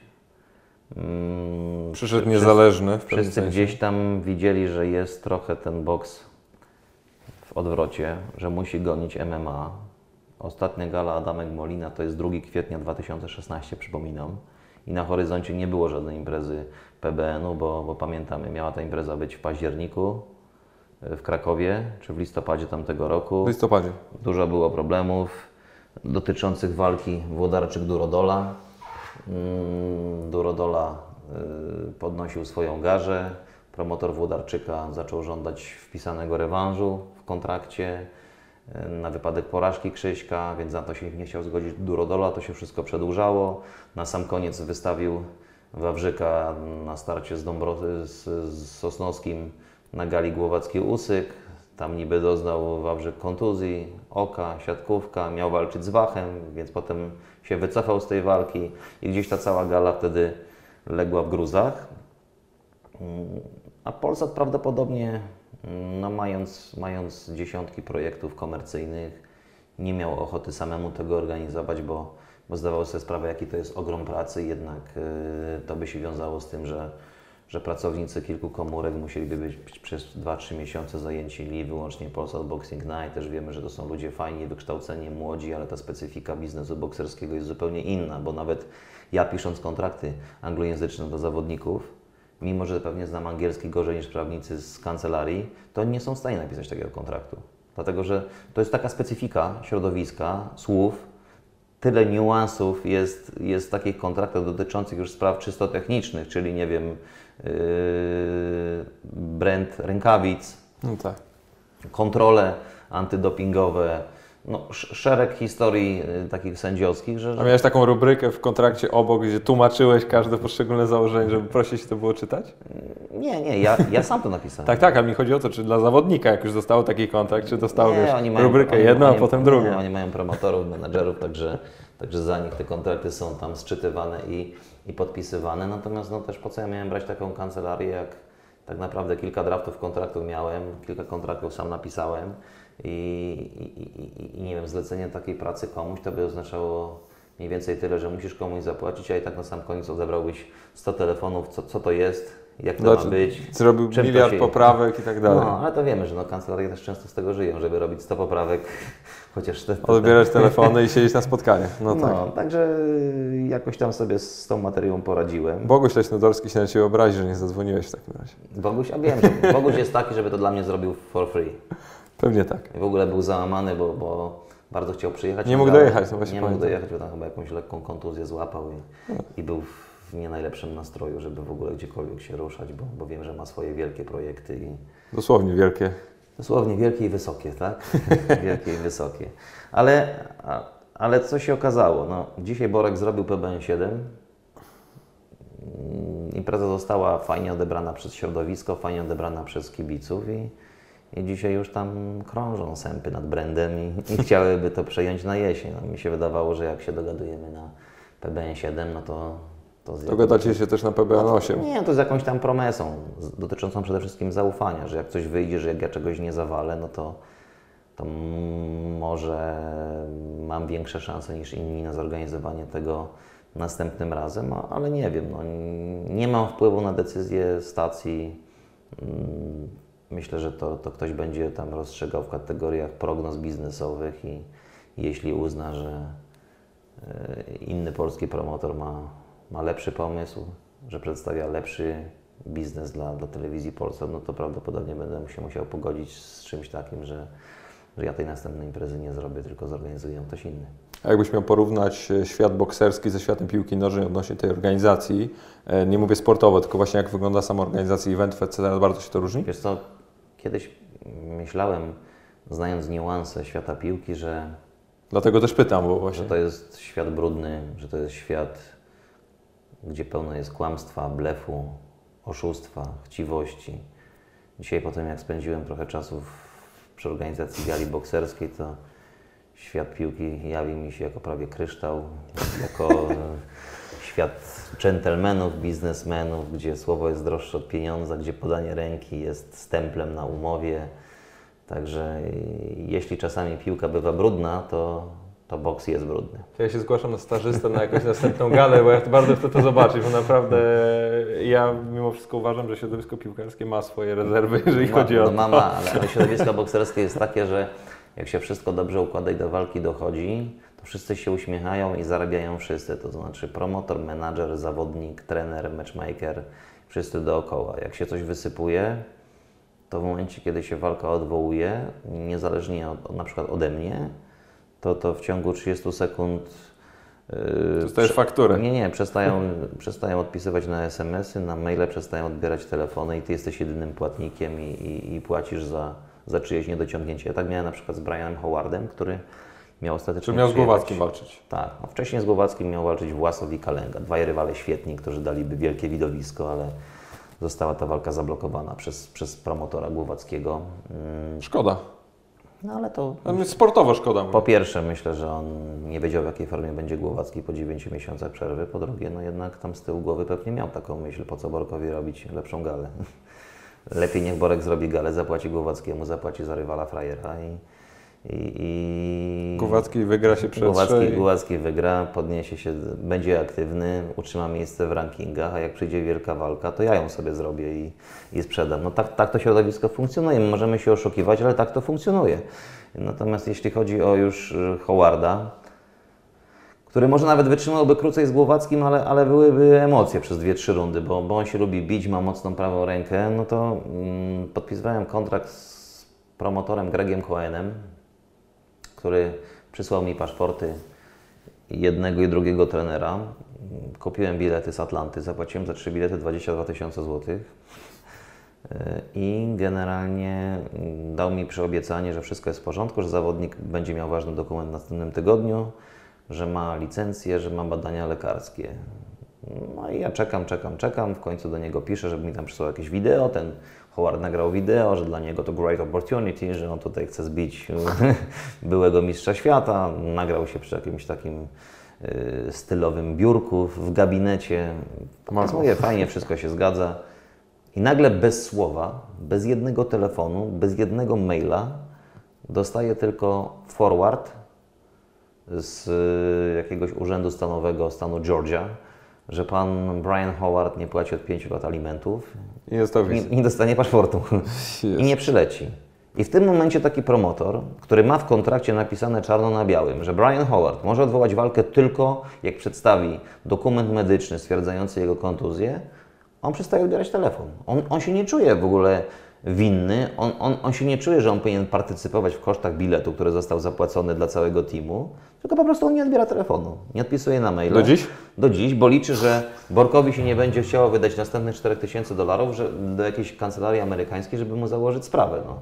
Tak wygląda ten, ten syfiasty biznes. Jezus, no to... Jak słucham, Tak, tak, słucham tak. i słucham, to, to czuję, że mogliśmy naprawdę godzi- godzinami nie, gadać. żeby, się, żeby, się nie, żeby się nie denerwować, musisz sobie z góry przyjąć, że na przykład 50-100 tysięcy złotych wyrzucisz do kosza. Bo jak, jak, jak, się, jak się z tym nie e, zaprzyjaźnisz, z tą myślą, że tak będzie, to się zajedziesz psychicznie. Ryzyko warte? To, które podjąłeś, no bo Warte, bo to jest adrenalina, to jest kaprys, to jest spełnienie marzeń. Tak zawsze porównuję ten, ten świat boksu do, do kiedyś takiej dyskusji mojej z Marcinem Mięcielem, bo ja kiedyś byłem wielkim fanem Ligi Greckiej i oglądałem te wszystkie mecze na szczycie. Pojechałem na mecz PAOK Saloniki e, Panathinaikos i, i pytam się Miętowego, mówi, jak Ci tu jest? On tam pojechał, pamiętamy, z Borussii Mönchengladbach, nie? A on mówi, słuchaj, jak ktoś tutaj przyjedzie z mentalnością z Polski albo z Niemiec, zajedzie się psychicznie. Ja, mówi, jestem Grekiem. Ja myślę jak oni i zakochałem się w słowie avrio. Nie wiem, co znaczy. Jutro. Tu, tutaj, tutaj mówi, jest jutro kasa, jutro meble, jutro ci załatwią przedszkole dla dzieci. I oni są uśmiechnięci, kawka, spoko, zatrzymują się, yy, sałatka grecka, morze, kafe Fredo. Ka- tak, dok- dokładnie, plus tam buzuka. I jak Oj. ty się przyzwyczaisz do takiego myślenia, jesteś tutaj szczęśliwy. Jak ty będziesz chciał, żeby było jak w Niemczech, że ci klub załatwia szkołę, że płaci ci w terminie, że, Że masz samochód. że masz samochód, że dba o każdy szczegół, mówi, jesteś skończony, jesteś zajechany psychicznie po dwóch tygodniach, bo czegoś takiego nie będzie. I to samo jest, myślę, że, że w boksie. A no, jako, że już w tym momencie mocniej wszedłeś w ten świat bokserski, to zamierzasz z piłki odejść jakoś na dłużej? Czy to rozumiem cały czas będziesz ko- kontynuował, kultywował i to jest twoje Nie, ja w główne zasadzie, w zajęcie? zasadzie mam teraz taki, myślę, ostatni rok, żeby jeszcze coś takiego fajnego zrobić organizacyjnie w boksie. Bo po pierwsze, to się chcę tym zajmować do momentu, kiedy nie skończy Tomek, a myślę, że mu został rok, może półtora, jeśli wygra oczywiście następną walkę. No bo wiadomo, że jak będzie robił galę Andrzej Wasilewski, to on nie zrobi gali z Tomkiem Adamkiem, bo, bo nie, bo, Bo on, nie ma, bo on ma swoich zawodników i, i, i, i generalnie na pewno Tomek nie jest jego biznesowym ulubieńcem, tylko czeka aż ten Tomek skończy w końcu i się położy tam do sportowej trumny, żeby e, móc robić main eventy ze swoimi zawodnikami. To po pierwsze. Po drugie, mm, no to jednak jesienią 2018 roku zaczynamy Ligę Mistrzów. Pewnie Strasznie zazdroszczę. pewnie z, będę dosyć zapracowanym człowiekiem w tym okresie i, i też w miarę swoich możliwości, doświadczenia, jakiejś tam kreatywności będę chciał mojemu szefowi też pomóc w kreacji tego produktu. Jeśli oczywiście będzie miał na to ochotę, jeśli, jeśli mi powie Mati, usiądźmy, pomyślmy, zaproponuj jakieś rozwiązania, no to, to coś tam już w głowie mam i, i coś mi tam świta. Natomiast y, na pewno będę zajęty wieloma obowiązkami jako, jako komentator i, i też trudno mi sobie na przykład wtedy wyobrazić taki rytm życia, że jeżdżę regularnie na, na europejskie puchary od poniedziałku do piątku i w tym czasie robię galę, bo, bo to chyba byłoby e, za dużo. Tutaj oczywiście przez ten czas przygotowania do gali nikt mnie nie zwolnił z moich podstawowych obowiązków, bo dalej musiałem komentować, robić programy publicystyczne. Symultanicznie, symultanicznie komentowałeś Euro przecież w ramach e, PBN-u, nie? Tak, i, i euro, i wcześniej już tam, nie wiem, Pols, Polska, Polska, Rumunia, i robiłem program. Mm, Jak tylko mogłem, byłem w Warszawie, to robiłem kafę futbol. Natomiast yy, chodzi o to, że, że jednak no, w tej chwili miałem taki komfort, że mi szef powiedział, jak, jak, jak nie dajesz rady, jak masz jakieś ważne sprawy z boksem, to sobie odpuść jeden, drugi, trzeci mecz i, i, i się skoncentruj na tym projekcie, żeby, żeby wypalił. Natomiast no, myślę, że nie będę miał takiego zdania przy, przy Champions League, bo to będzie jednak produkt i, i projekt y, Prime, to to jest coś istotnego dla stacji i, i na pewno będą chcieli, żebym w tym cały czas aktywnie i, i czynnie uczestniczył. Mocno walczyli zresztą te prawa, prawda? No to już walka na śmierć i życie teraz. No No, to, walka tam słyszę, że była gruba, dwie dogrywki chyba, ale i, I to się wydarzyło też chyba kosztem kadry, jeżeli chodzi o Polsat, prawda? Nie, znaczy to będzie teraz trochę wyglądało inaczej, bo telewizja publiczna zakupiła prawa do reprezentacji Polski i, i w eliminacjach do, do kolejnych mistrzostw Europy i, Świata. i live do Ligi Narodów. My mamy prawo, mamy prawo y, retransmisji natychmiast po zakończeniu meczu, jeśli chodzi o reprezentację Polski. Natomiast jeśli mówimy o całym pakiecie, to telewizja polska nabyła prawa chyba do 126 meczów na ten okres, w tym reprezentacja Polski live, a my mamy 1300 meczów live.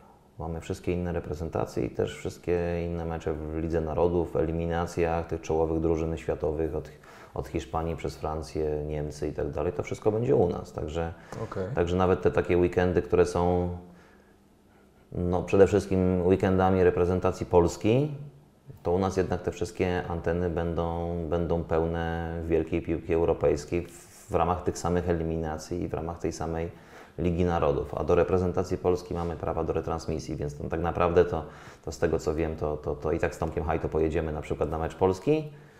Darek sobie tam z kimś albo Jacek skomentują mecz na żywo, a, a natychmiast po zakończeniu tego meczu w telewizji publicznej kibic sobie będzie mógł raz jeszcze obejrzeć mecz reprezentacji w Polsacie Sport. Sam, sam wiem jak to jest, że jak jest dobry mecz, jak jest sukces, to człowiek ten mecz chętnie by obejrzał pięć razy, więc Jak na przykład mieliście okazję przecież komentować mecz Polska-Niemcy, to, to ja do dziś pamiętam, jak ci co, głos straciłeś chyba w tym momencie. tak, tak, no to wtedy jakoś tak przestraszyłem się. Bo ja oglądałem mecz na żywo, ja oglądałem mecz na żywo, a, a na potem oglądałem go jeszcze dwukrotnie. To jest nieprawdopodobne, że w, ogóle, że w ogóle y, wszystko było dobrze i nagle strzela Mila, ja gdzieś tam zacząłem krzyczeć i w pewnym momencie tak jakbym stracił na antenie głos i, i, i, i widzę taką tablicę, chyba dwie czy trzy minuty doliczone i piszę na kartce Tomkowi Słuchaj, Dramat. słuchaj, ciągnij, bo nie dam rady. I, i, mówię co, co piąte tam jego zdanie, ja, ja mówię pół zdania i czuję taki potworny fizyczny ból.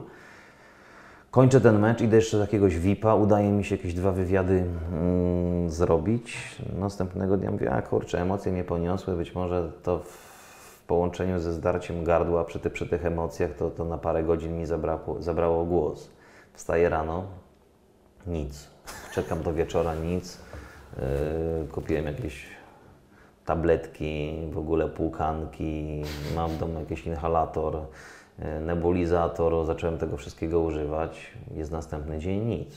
Odwołałem jakiś mecz innej reprezentacji, co miałem wieczorem komentować, bo, bo po tych Niemcach była Szkocja, cztery dni później. No i trzeci dzień i ja dalej. No w ogóle tragedia, w ogóle niemy. Jezus. No i przychodzi dzień meczu tego ze Szkocją, już tam mówię do szefa, że słuchaj, no ktoś tam musi być jako rezerwowy, bo ja nie wiem co będzie.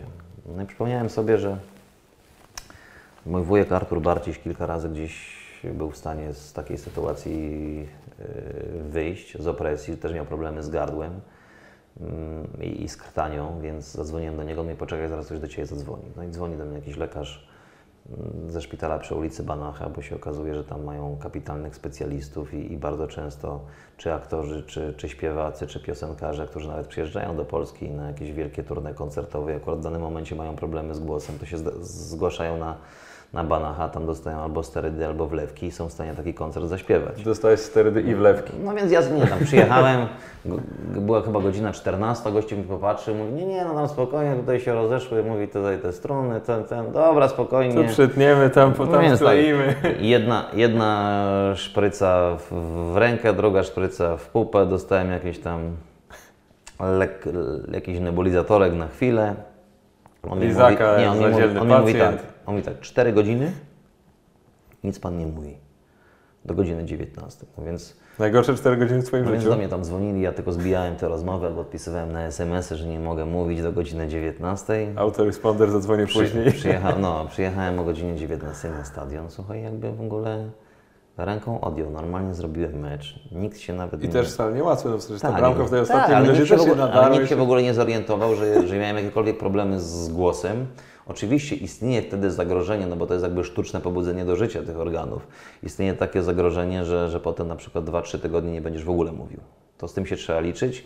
Mnie akurat to, to nie doświadczyło, ale, ale wtedy też tak zrozumiałem, że trzeba jednak y, szanować ten swój aparat mowy i ja tak zawsze wierzę, to tu zimna woda, tu zimne wino, tu lody i nigdy się nie przejmowałem, co, co z tym gardłem. Zawsze uważałem, że będzie dobrze, a, a jednak no, z, z wiekiem, z czasem to, to człowiek musi coraz bardziej i coraz częściej o siebie dbać. Wspomniałeś o Tomku, to o Tomku Hajcie. To jest temat, na który czekam w ogóle przez całą naszą rozmowę, bo i, i, i narobił ostatnio szumu w mediach, ale też moje pierwsze pytanie brzmi tak, czy Tomek Hajto będzie ekspertem albo komentatorem Ligi Mistrzów?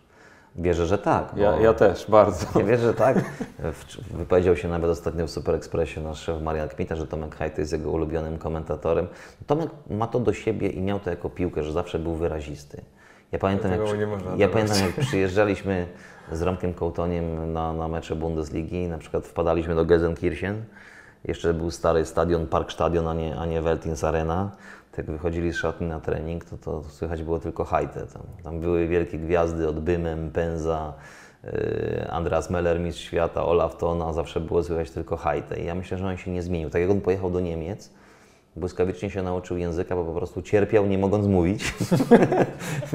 Nie mogąc mówić, nie mogąc się dogadywać, nie No. mogąc przekonywać ludzi. Co? Tom, Tom, Tomek jest przede wszystkim wyrazisty. Ja uważam, że właśnie w telewizji u nas często brakuje takich wyrazistych opinii. U nas są bardzo często tacy letni eksperci, to znaczy zatrudniasz eksperta jako Eksperci w telewizję. cudzysłowie dużym. Zatrudniasz eksperta jako telewizję, a on dalej ma e, wypowiedzi podszyte taką myślą, a może mnie klub zatrudni, a może mnie weźmie federacja. I dlatego to są takie zawsze, on ci co innego powie poza anteną, a co innego na antenie. A hajto, co myśli, to mówi. Może się to komuś nie podobać. Czasami ktoś się może przyczepić do formy, że za ostro, że chłopaka zdeptał, że go potraktował tak czy inaczej. Natomiast jak czasami odrzucimy formę i wyciśniemy tylko treść, co on powiedział, chociażby na temat Dawidowicza, który jest moim ulubionym piłkarzem, któremu, któremu ja wró- wróżyłem wielką przyszłość i chciałbym się jeszcze z tego nie wycofywać. Wyciągali się to Tak, w którego ja, kontekście którego ja powiedziałem, że będzie polskim Hummelsem, bo, bo miał wszystkie predyspozycje. Bo to też, ja mam, ja mam jakieś oko od lat, ale też się na przykład y, bazuje na, na, na, na dyskusjach z ludźmi ze środowiska. No bo jeśli ja rozmawiam z Piotrkiem Świerczewskim, który był asystentem wcześniej Dorny, do czasu tej słynnej zadymy w Dębicy, gdzie wyleciał z tej drużyny, gdzie się podał do dymisji, żeby nie robić problemów Zbigniewowi Bońkowi, no to, to jednak trzeba powiedzieć tak, Piotrek przy jego boku w Bastii wychował się 16-letni Essien. Piotrek go wziął do pary i się zajął tym chłopakiem.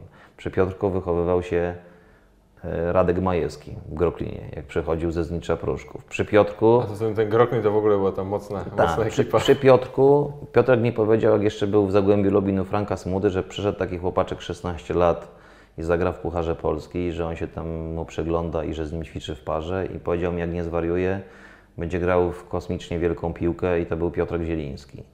I jak zobaczył Dawidowicza i, i przyszedł po pierwszym treningu, powiedział, Mati, to jest w ogóle gość, co on przerasta resztę o dwie klasy. Szybkość, pas, lewa, prawa noga, gra na wyprzedzenie, głową, jeden na jeden, technika, mówi odwaga. Wszystko, czego nie było widać w grze Dawidowicza podczas Euro U21, bo jednak no, był zupełnie innym piłkarzem rok temu. Ciekawe skąd to się wzięło, co myślisz, brak gry czy, czy co? Nie no, wiem. on, on ostatnie mecze ligowe grał na początku kwietnia w VfL Bochum Tak. na prawej obronie. I na prawej obronie, no bo tam jednak jest, wiesz, yy, duża konkurencja. Tam na przykład na środku gra Hogland, co kiedyś grał w Szalkę. Ja nie, zapom- ja nie zapomnę, jak jeszcze, bo Paweł Dawidowicz był, był ze mną w kadrze U17, to jak graliśmy te Mistrzostwa Europy, gdzie przegraliśmy z Niemcami w półfinale, to tam wtedy nam bramkę strzelił Leon Gorecka i on wtedy, mając lat 17, był tam pierwszym, pierwszą dziesiątką czy napastnikiem w Bochum, strzelił 10 czy 9 bramek, odjazd, jak Tak, patrzę na tak, tych i, wszystkich i, gości poszedł, i teraz. poszedł do Szalkę. Także yy, potem długa kontuzja Dawidowicza przed mistrzostwami. I moim zdaniem to po prostu ta drużyna też wypadła tak, a nie inaczej, bo po pierwsze byli trudniejsi rywale niż większość tych naszych w, przez te dwa lata. Po drugie, Jach po kontuzji, Dawidowicz po kontuzji. pięciu, sześciu chłopaków było zdecydowanie pod formą. Inny to był Stępiński we wrześniu 2016, inny to był Dawidowicz e, Kownacki. jesienią 2016. No Kownacki to myślę, że tak nas do końca nie zawiódł, bo, bo ze Szwecją grał super. Ale, ale tak jak mówisz, no Jach po kontuzji, Jaroszyński był cieniem samego siebie, bo praktycznie nie mieliśmy w ogóle gry ofensywnej od, od lewej obrony. Mm, Do tego, do tego Dawidowicz zdecydowanie pod formą, Lipski bez klubu, no Stępiński to już mówiliśmy, no ta, ta, ta... Frankowski. Frankowski na pewno był niezły fizycznie, ale nie tak spektakularny jak w lidze, także za dużo było słabych punktów, żeby móc rywalizować z drużynami, które mają na co dzień piłkarzy w poważnych ligach europejskich. To są chłopcy, którzy albo, albo są piłkarzami wiodącymi, Asensio, są, który chwilę wcześniej wy- wygrał Ligę no Mistrzów. tak, ale popatrz, popatrz, popatrz na Włochów. Tam nie ma piłkarza w składzie, który nie byłby podstawowym piłkarzem w swoim klubie. Wszyscy grają. Taki Benassi jest kapitanem Torino i ma, ma ponad 100 meczów w lidze włoskiej i on przyjeżdża z młodzieżówką. Taki Pellegrini dzisiaj za 30 milionów chce go kupić Roma. Taki y, Bernardeschi chce go kupić Juventus Inter 35 milionów. W ogóle kawał dobrej piłki był w, No tak, w no. Polsce teraz przez ostatnie, ostatnie parę tygodni. Nie no, turniej fantastyczny. Turniej fantastyczny. Ja, ja rozmawiałem z, z Zbigniewem Bońkiem chyba dwa dni temu dłużej i, i, i mówi, że Aleksander Czeferin, prezes UEFA, to już się drapie w głowę, w jaki sposób w ogóle zbliżyć się podczas następnych Mistrzostw Europy U21 do tego, co się wydarzyło w Polsce, bo chyba turniej będzie w Finlandii. Specjalna ekipa to oglądała. No wiemy, jaka tam jest koniunktura na piłkę, jaka tam będzie frekwencja. Tutaj mamy 81% obłożenia stadionu, średnia frekwencja 11,5 tysiąca. Na wielu, na wielu meczach absolutny komplet i to nie mówimy tylko o meczach Polaków. Wyższe Tylko... średnie niż w Ekstraklasie. Nie, no ale naprawdę, naprawdę fantastyczna atmosfera, świetni piłkarze, młode gwiazdy europejskiej piłki. Organizacyjnie było super, wszyscy turniej chwalą. No tylko, tylko gdzieś ta nasza reprezentacja się nie dostosowała poziomem do, do poziomu organizacji. Ale mi się też wydaje, że, że oni będą wszyscy grali w piłkę na, na wysokim poziomie. Ci- zawodnicy, którzy, którzy, których wymieniłeś, no to oczywiście może nie będą na tak wysokim poziomie jak, jak ich konkurenci z Włoch, Hiszpanii czy, czy z, z Niemiec, ale będą grali. Znaczy, głównie, Połowa na pewno. Głównie myślę, że ci z tyłu. To znaczy Bednarek, może Jach, którego oglądało nawet kilka klubów Bundesligi. Rozmawiałem ze skautami Freiburga czy, czy Gladbach, bo byli w Lublinie i nawet im się podobał Jach bardziej od Bednarka. Że agresywniejszy, że ma większą odwagę w takim krosie, bo, tam Mhm. dał parę dobrych przerzutów w, ty, w tym pierwszym spotkaniu. Tak. Bo nawet jak przegraliśmy z tą Słowacją, to ciężko się było przyczepić do stoperów. generalnie w kontekście Poza całego tą meczu. jedną bramką. Tak, no wiadomo, jakiś błąd zrobili, ale grali stabilnie. No jak, jak dopuścisz jako pomoc do 30 sytuacji, to w końcu coś, coś wpadnie ktoś, i ktoś błąd mm, Się poślizgnie, zrobi. No, zrobi. Ciężko mi na tę chwilę znaleźć na przykład takiego piłkarza poza Kownackim ofensywnego, w którym widziałbym potencjał na, na duże europejskie granie, bo, bo Stępiński? myślę, że Nie ma chyba drugiego zawodnika, na, na którego no, temat są zdania aż tak podzielone, mi się też wydaje. Bardzo doceniam jego pracowitość, jego inteligencję i, i na boisku, i w życiu. Natomiast no, grać w lidze francuskiej to, to trzeba mieć kilka rzeczy. Po pierwsze gaz, po drugie jeden na jeden. Jak grasz w klubie typu FC Nantes, to jednak musisz się liczyć z tym, że 80% meczów w sezonie zagrasz na kontrę. To znaczy, ty musisz kogoś wyprzedzić i kogoś kiwnąć. I przepchnąć. I, I zauważ, że w momencie, kiedy przychodzi do klubu pan prezes, czyli Predżuzna Kulma, to on, to on gra i strzela, a Stępiński ląduje na trybunach. No bo to nie ma przypadku. To nie ma przypadku. Także no, na pewno dzisiaj czas ważnej decyzji dla Mariusza, czas decyzji też dla Kapustki, bo o nim zapomnieliśmy. To jest chłopak, który No miał być twarzą tej kadry na tym no, euro. uśmiechał się z tych plakatów w, w Krakowie. Ja może aż tak brutalny nie będę, jak niektórzy działacze Polskiego Związku Piłki Nożnej, którzy mówią, że on w Leicester to tylko wpada do klubu na obiady. Natomiast, natomiast yy, no, myślę, że to jest fajny chłopak, fajny chłopak, ciekawy piłkarz. Zaliczył kompletny zjazd w stosunku do Mistrzostw Europy 2016 seniorów. Teraz to jest absolutnie czas mądrej decyzji, jego i agenta. Ja rozmawiałem z Bartkiem przy, przed ostatnim meczem. Mówię, Bartek, nawet jak będziesz mniej zarabiał przez rok czy dwa, decyzja, bo, bo w tym sezonie zaważy się całe Twoje życie. Ty już sobie nie możesz pozwolić na to, żeby ten młody Czyli organizm... nie będziesz młodej perspektywy. Nie, ale ten młody organizm, sam wiesz, młody organizm, żeby za chwilę nie łapać kontuzji, to, to musi pompować to płuco i serce co tydzień, te 90 minut, bo, bo, bo, bo potem nawet jak trafisz w końcu na miejsce, gdzie Cię chcą i gdzie będziesz grał, to zaczynają się urazy, bo w tym najważniejszym momencie rozwoju piłkarza, tam 18, 19, 20, 21 lat, Ty nie grałeś, to będzie Ci brakować tej restytucji organizmu, tego rytmu, tego, że ten organizm się fajnie rozwija, bo przecież on się rozwija cały czas jako chłopak, tak, jako mężczyzna. Także, także to jest taki, taki okres, że moim zdaniem nawet warto grać w słabszej lidze, w słabszym klubie, ale grać. Abyśmy na chwilę wrócili jeszcze do tematu komentowania, bo Tomek Hajto to jest osobny wątek według mnie, ale sam Tomek, Cię... Tomek Hajda to już jest popkultura. Z- Zobacz. To jest dokładnie- no, to nie, ale jest zobacz, show, o którym ale zobacz, no, nie, to jest show, ale to jest popkultura. Yy, no, ja nie pamiętam, żeby jakikolwiek komentator czy kokomentator yy, miał tyle memów Ja, ja Ci mówię, ja, ja bym zabił, żeby kiedyś się z Tomkiem mówić na lunch i, i pogadać o tym, żeby on został nim jakimś vlogerem albo zrobił jakiś własny kanał na YouTube i zaczął komentować wydarzenia sportowe, tak jak masz, no nie wiem, jakichś komentatorów politycznych, którzy taki Mariusz Max Kolonko, to Tak. kurde polskiej piłki, Tak. no po prostu bym zabił. Mistrz świata. Ale, ale to, o co chciałem zapytać, to jest kwestia no, tego, jak się zmieniło komentowanie no, w Twoich czasach, nie, że jak zaczynałeś, no bo to był kompletnie coś innego, no ale byłeś tym top 3 komentatorem przez ostatnie lata, wciąż uważam Cię za jednego z najlepszych w tym fachu, e, ale pojawiają się nowi, jest cała Eleven, która ma tą, wiesz, e, stację młodych komentatorów, którzy się tam rozpychają i, e, i, i promują, co zresztą według mnie robią bardzo dobrze. I, i jak Ty się odnajdujesz w tym no, całym środowisku harpaganów?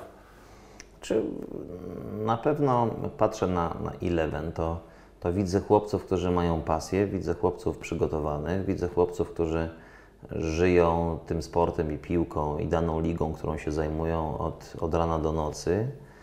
E, Co bym tam zmienił, co bym doradził jako starszy kolega z perspektywy czasu? E, Po pierwsze, żeby się nie ścigali komentatorzy ze sobą na antenie, kto wypowie więcej słów i ciekawostek, bo wydaje mi się, że często wchodzą jakby w taki system narracji, który powoduje, że widz przestaje pamiętać te rzeczy, które oni mówią. To jest, taki, jest takie natężenie i natłok tych informacji, że w ósmej minucie już nie pamiętasz, co powiedział, czy w drugiej. Czyli, czyli na pewno bym zalecał, żeby się więcej skoncentrować na mm, takim właściwym warsztacie narracji, żeby więcej pograć pauzą, żeby jakby zróżnicować tempo mówienia, żeby ten tembr głosu był inny w różnych sytuacjach, żeby dać szansę widzowi pomyśleć nad tym, co powiedziałeś, bo tam jest tak, takie, takie mam czasami wrażenie, że jeden komentator bierze oddech, a drugi już widzi, że to jest szansa, żeby wskoczyć i, i już jedzie swoje historie. To jest, to jest po pierwsze. Po drugie, no na pewno, na pewno muszą ci chłopcy, którzy się tam zajmują poszczególnymi ligami, mm, troszeczkę częściej pojawiać na, na tych meczach, bo, bo głównie, ja wiem, że oni jeżdżą czasami na Ligę Hiszpańską, natomiast głównie na przykład na tych meczach Ligi Francuskiej, no to tam widać, że zajmują się też często tą ligą ludzie, którzy, no nie wiem, czy raz byli na Bastii, czy raz byli na Saint-Étienne, czy, czy, czy, na, czy na innych stadionach y, klubów, które, które występują y, w tej lidze. Mm, Ja myślę, że każda stacja gdzieś buduje zaufanie widza, prawda? To dzisiaj można dyskutować, czy oni, czy oni właściwie y, definiują te pary komentatorskie, czy to powinien być dziennikarz i ekspert, czy może to komentować dwóch dziennikarzy. I ja nie chcę ich oceniać, bo wybrali jakąś swoją drogę, mają swojego szefa, mają kogoś, kto, mm, kto, kto, kto wymyślił jakby kształt funkcjonowania Eleven. I ja na, ja na sprawy komentatorskie patrzę troszeczkę inaczej. Natomiast tak się zastanawiam też, kto tym młodym chłopakom tam ma podpowiedzieć. Bo tam pewnie jednym ze starszych jest Święcicki, No, który sam, Patryk Mirosławski. który sam jest tak. młody, który sam jest młody, jest Mirosławski, który też jest młody. No, no wiesz, no tam nie masz człowieka, który skomentował, nie wiem, 9 finałów Champions League Nie ma, i, nie ma i, tam Andrzeja Persona. i, pięć tak. razy, i pięć razy finał Mistrzostw Świata i patrzy z dystansem i wychował iluś dziennikarzy, żeby powiedzieć ty to, ty to, ty to, ty zmień to. Także to też jest taka, moim zdaniem ci chłopcy sami gdzieś szukają swojej drogi i, i oni muszą dokonywać takiej, powiedziałbym, autopoprawy, prawda? Oni sami to muszą robić, gdzieś tam pewnie słuchać, bazować też na, na, na podpowiedziach czy, czy opiniach swoich znajomych i, i ludzi, którzy im dobrze życzą. Bo to szczęście każdego komentatora, jak ma takich ludzi, którzy dadzą Ci uwagi merytoryczne, takie konstruktywne, prawdziwe i nie robią to dlatego, żeby Cię zdołować albo zazdrościć, tylko mówią dlatego, żeby Ci pomóc. A kto dla Ciebie był taką osobą? No ja no, od, od mojego ojca, zaczynając, który na piłce się nie zna, ale zawsze znał się na warsztacie, bo, bo wygrał dwa czy trzy konkursy ogólnopolskie, recytatorskie, więc on był takim człowiekiem od warsztatu, przez Andrzeja Persona, Andrzeja Janisza, Artura Barcisia, y, mojego wujka aktora, który jest pasjonatem futbolu, więc zawsze gdzieś tam jakieś słowo, słowo fajne, krytyki takiej merytorycznej mogę, mogę od nich do dziś liczyć, bo jak uważają, że z czymś przegiąłem, albo że czegoś zabrakło, albo że miałem słabszy dzień, to też, to też mi o tym mówią i ja to doceniam, bo to jest też ciężki zawód. To jest taki zawód, nie wiem, boli cię głowa, masz zły dzień, masz 100 problemów gdzieś tam z tyłu głowy, to, to myślisz o tym, żeby bezpiecznie przejść przez transmisję. Jak masz taki dzień, że, że wszystko się składa, że masz full koncentrację, że cię nic nie boli, to lecisz, to wtedy stać się na fajerwerki, to wtedy masz jakby większe takie ryzyko tezy postawionej, bo jesteś w stanie ją obronić nawet tą taką dyspozycją dnia. Wtedy bukujesz kolację po meczu. Dokładnie, także, ale chłopaków, nie, ja, ja, ja muszę powiedzieć, że wiesz, ja, ja, ja nie mam takiego stosunku do Eleven jak wielu dziennikarzy z mojego, z mojego środowiska na zasadzie, że przemądrzałe dzieci z Eleven, bo każdy kiedyś zaczynał, bo każdy dostał swoją szansę. Pewnie wielu tych chłopców wcale w perspektywie paru miesięcy czy paru lat nie będzie gorszych od tych, którzy są w tym zawodzie 15-20 lat, a prawdopodobnie gdyby nie ta stacja, nie dostaliby nigdy szansy. Nikt by nie dał szansy. Do dzisiaj by nosili kawę, herbatę i, i musieliby robić za asystentów tak zwanych panów redaktorów. Także ja zawsze miałem dużą sympatię do młodzieży i, i, i patrzę na ten projekt y, z zaciekawieniem, z zainteresowaniem. Tak jak powiedziałem, no, mm, pewne, pewne rzeczy bym, bym zmienił. Przede wszystkim y, merytorycznie co bym zmienił. Mi brakuje w tych programach, w, powiedziałbym, y, więcej opinii, a mniej wiedzy internetowej. Bo jednak widzimy tych chłopców, którzy przychodzą, oni są przepakowani tą wiedzą. Widać, że tam jest przeczytane 30 portali, każdy news, który pochodzi z danego klubu i to gdzieś w jakiś sposób czasami zamyka im takie autorskie myślenie o czymś. Ja bym więcej chciał takiej na przykład dyskusji o tym, co ja sądzę, co mi się wydaje, jaka jest moja opinia, niż to, co napisała Marka, co napisał As, albo, albo co napisał portal klubowy, albo co się mówi w kuluarach, na zasadzie takiej, że ktoś to gdzieś yy, wyczytał. Ale to jest prawdopodobnie wiek, no to trzeba też w tym zawodzie być przez, przez kilka, kilkanaście lat czy, czy kilkadziesiąt, żeby, żeby też mieć śmiałość takiej tezy, bo, bo, bo też no, może oni sobie myślą, że z drugiej strony ktoś siedzi i powie, no jakiś małolat tutaj jakieś swoje tezy czy opinie przytacza, a, a, a jakie on ma merytoryczne prawo i, i argumenty, żeby dzisiaj tutaj robić za, za alfę i omegę. No ale, ale na pewno się starają, zobaczymy. Jestem bardzo ciekawy, w jaki sposób Bundesliga zrobią, bo to jest liga, którą 21 lat No poprzeczkę mają wysoko na pewno. komentowałem. Mm, Nawet tam e, pytał mnie jeden z podmiotów biznesowych, który być może się zaangażuje w tą Bundesligę, czy, czy byłbym zainteresowany na przykład jednym meczem w tygodniu, natomiast no, ja, ja prawdopodobnie nie byłbym w stanie nawet dostać zgody od swojego szefa, żeby, żeby taki mecz zrobić. To jest na pewno historia, która mnie trochę boli, bo yy, potrafię bardzo, tak powiedziałbym, elastycznie reagować na, na zmieniających się właścicieli praw telewizyjnych na rynku. Zawsze I- taki stoicki byłeś Tak, jak, jak, jak z wielkim spokojem przyjąłem Jak to było po grecku? Avrio, Avrio. jutro. Dokładnie. Tak jak z wielkim spokojem przyjąłem kupno praw do Ligi Mistrzów na początku, potem stratę tych praw.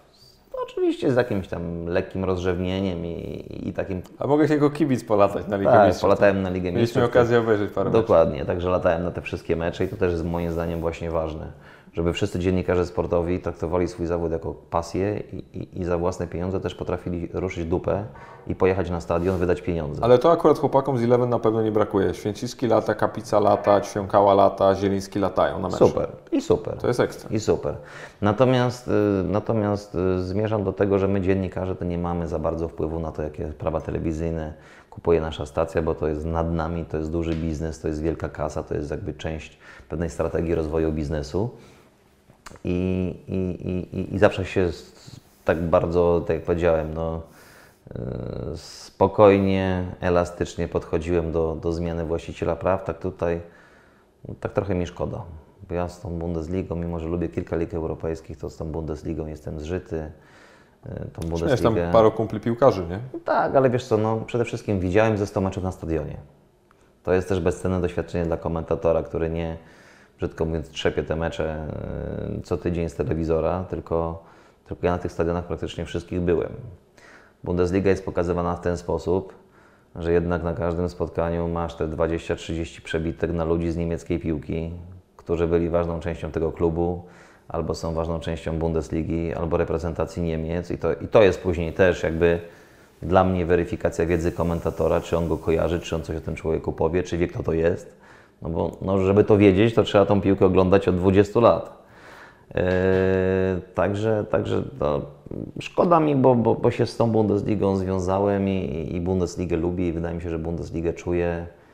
Jestem właśnie bardzo ciekawy, czy, czy oni w tej chwili będą yy, dokonywać transferów, jak czołowe kluby Bundesligi, czy, czy tymi samymi ludźmi, którzy robią inne ligi europejskie, będą w stanie tę ligę opakować, czy, czy na przykład zatrudnią byłych ekspertów Eurosport, czy poszukają sobie innych. No jestem bardzo ciekaw, w jaki sposób Bundesliga pokaże ile. Ja też, zresztą to jest jeden z, z takich tematów, który, który faktycznie bronią tej wiedzy, jak, jak jakiegoś swojego najcenniejszego skarbu, też próbuję od, od nich powyciągać jakieś tam nawet strzępy informacji, to wszyscy... Zresztą tam pewnie Mirosławski to, to, to sam będzie miał ochotę to komentować, bo mieszkał w Niemczech, zna niemiecki. Jemu się będzie tak merytorycznie na pewno łatwiej przygotować do tej ligi. Ale, ale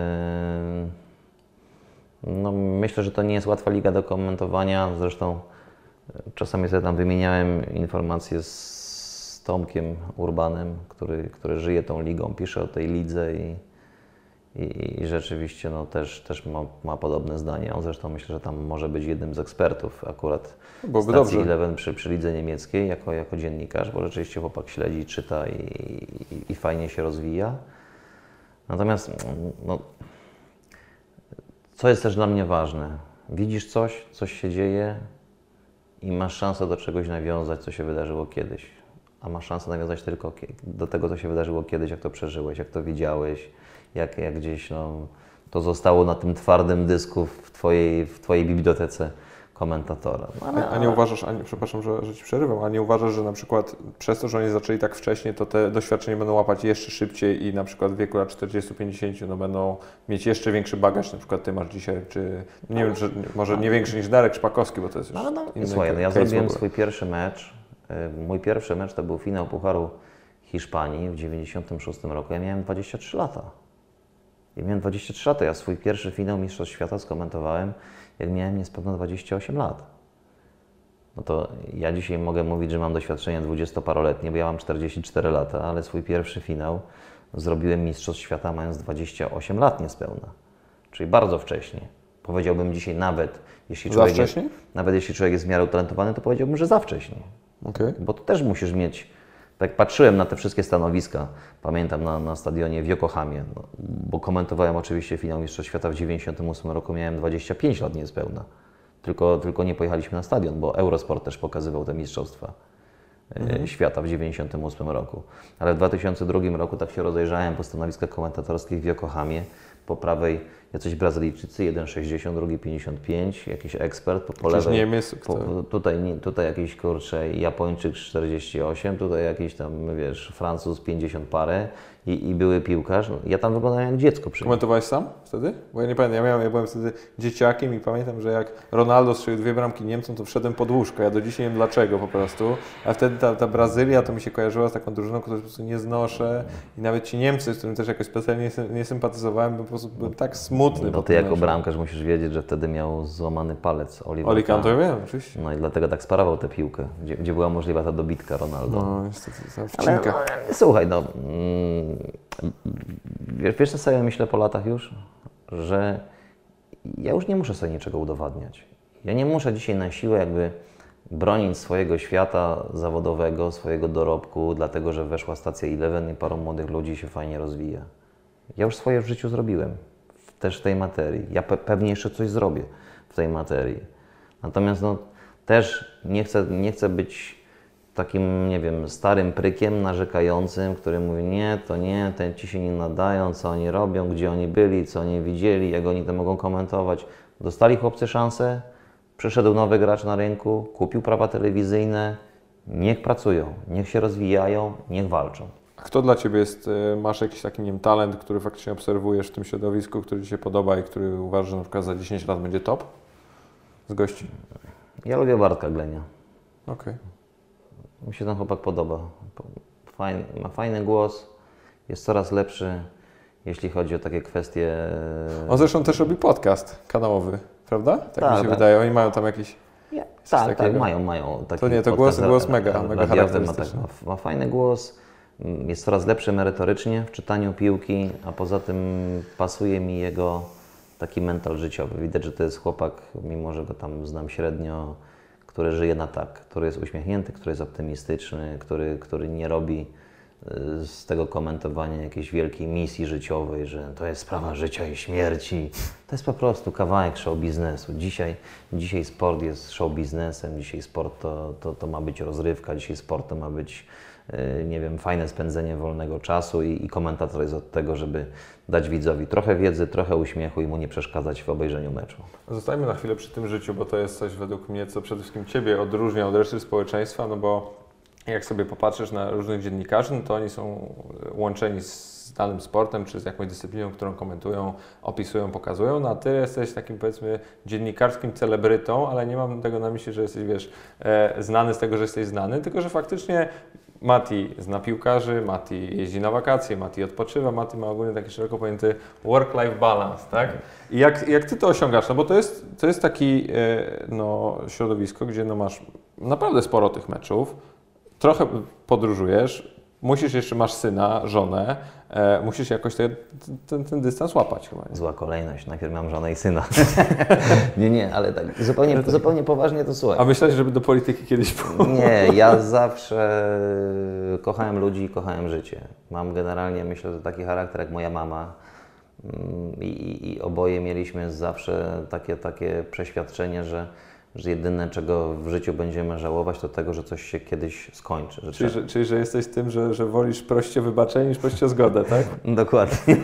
Nie no, tr- trzeba żyć i, i zawsze kochałem życie i, i, i kochałem ludzi i yy, ja myślę, że nam w Polsce to też prawdopodobnie jest spuścizna dawnego systemu i, i, i tego, że wszyscy mieli tyle samo i, i że mieszkaliśmy w M3. Sam jestem z takiego mieszkania i, nigdy u mnie w domu nie było samochodu, bo zawsze ważniejsze było dobre jedzenie, dbanie o zęby, dobre buty i jeżdżenie na wakacje z rodzicami i dobra książka i, i muzyka. Być może gdzieś tam w tym moim takim traktowaniu życia. Bardzo pomogło mi, pomógł mi dom rodzinny, długie, długie rozmowy z ojcem o, o wszystkich ważnych rzeczach, o, o życiu, o miłości, o przemijaniu, o literaturze, o inscenizacji yy, danej, danej sztuki teatralnej, bo, bo zawsze żyłem w kilku światach i, i w tym świecie teatru, kina, muzyki, bo, bo skończyłem szkołę muzyczną. Nigdy tam te dziedziny nie wygrały z moją pierwszą pasją, tylko a, moją. chci- a chciałbyś kiedyś być krytykiem e, teatralnym na nie, nowo? Nie, nie, w wieku 19 lat stanąłem przed takim dylematem, bo, bo wtedy dużo, dużo spektakli rzeczywiście oglądałem, około 50-60 rocznie jeździłem z ojcem na wszystkie festiwale. Tydzień bez teatru był tygodniem straconym, tak jak tydzień bez meczu był zawsze tygodniem straconym i, i zastanawiałem się właśnie, w którą pójść stronę. Mm, Bo, bo też, też sobie trochę o tym pisałem, czytałem. Wydaje mi się, że miałem niezłą wiedzę wtedy na ten temat.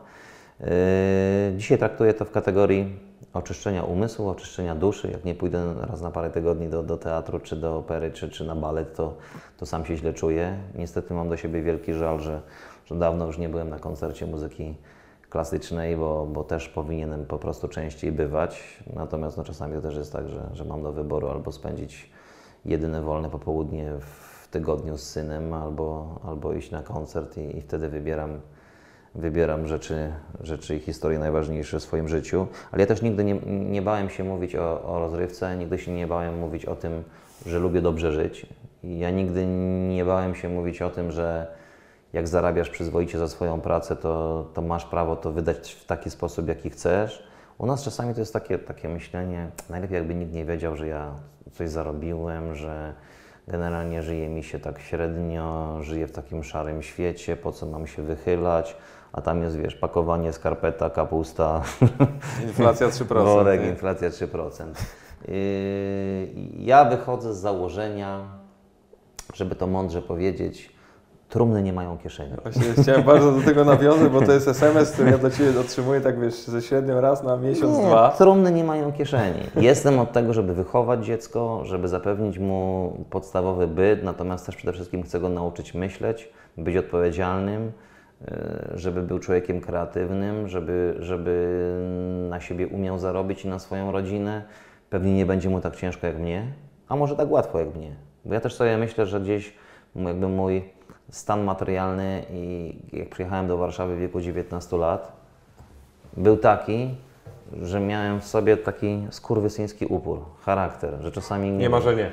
nie ma, że nie, że czasami gdzieś stały mi świeczki w oczach, że pamiętam, że potrafiłem nie jeść poniedziałek, wtorek, żeby mieć na kino z dziewczyną w sobotę.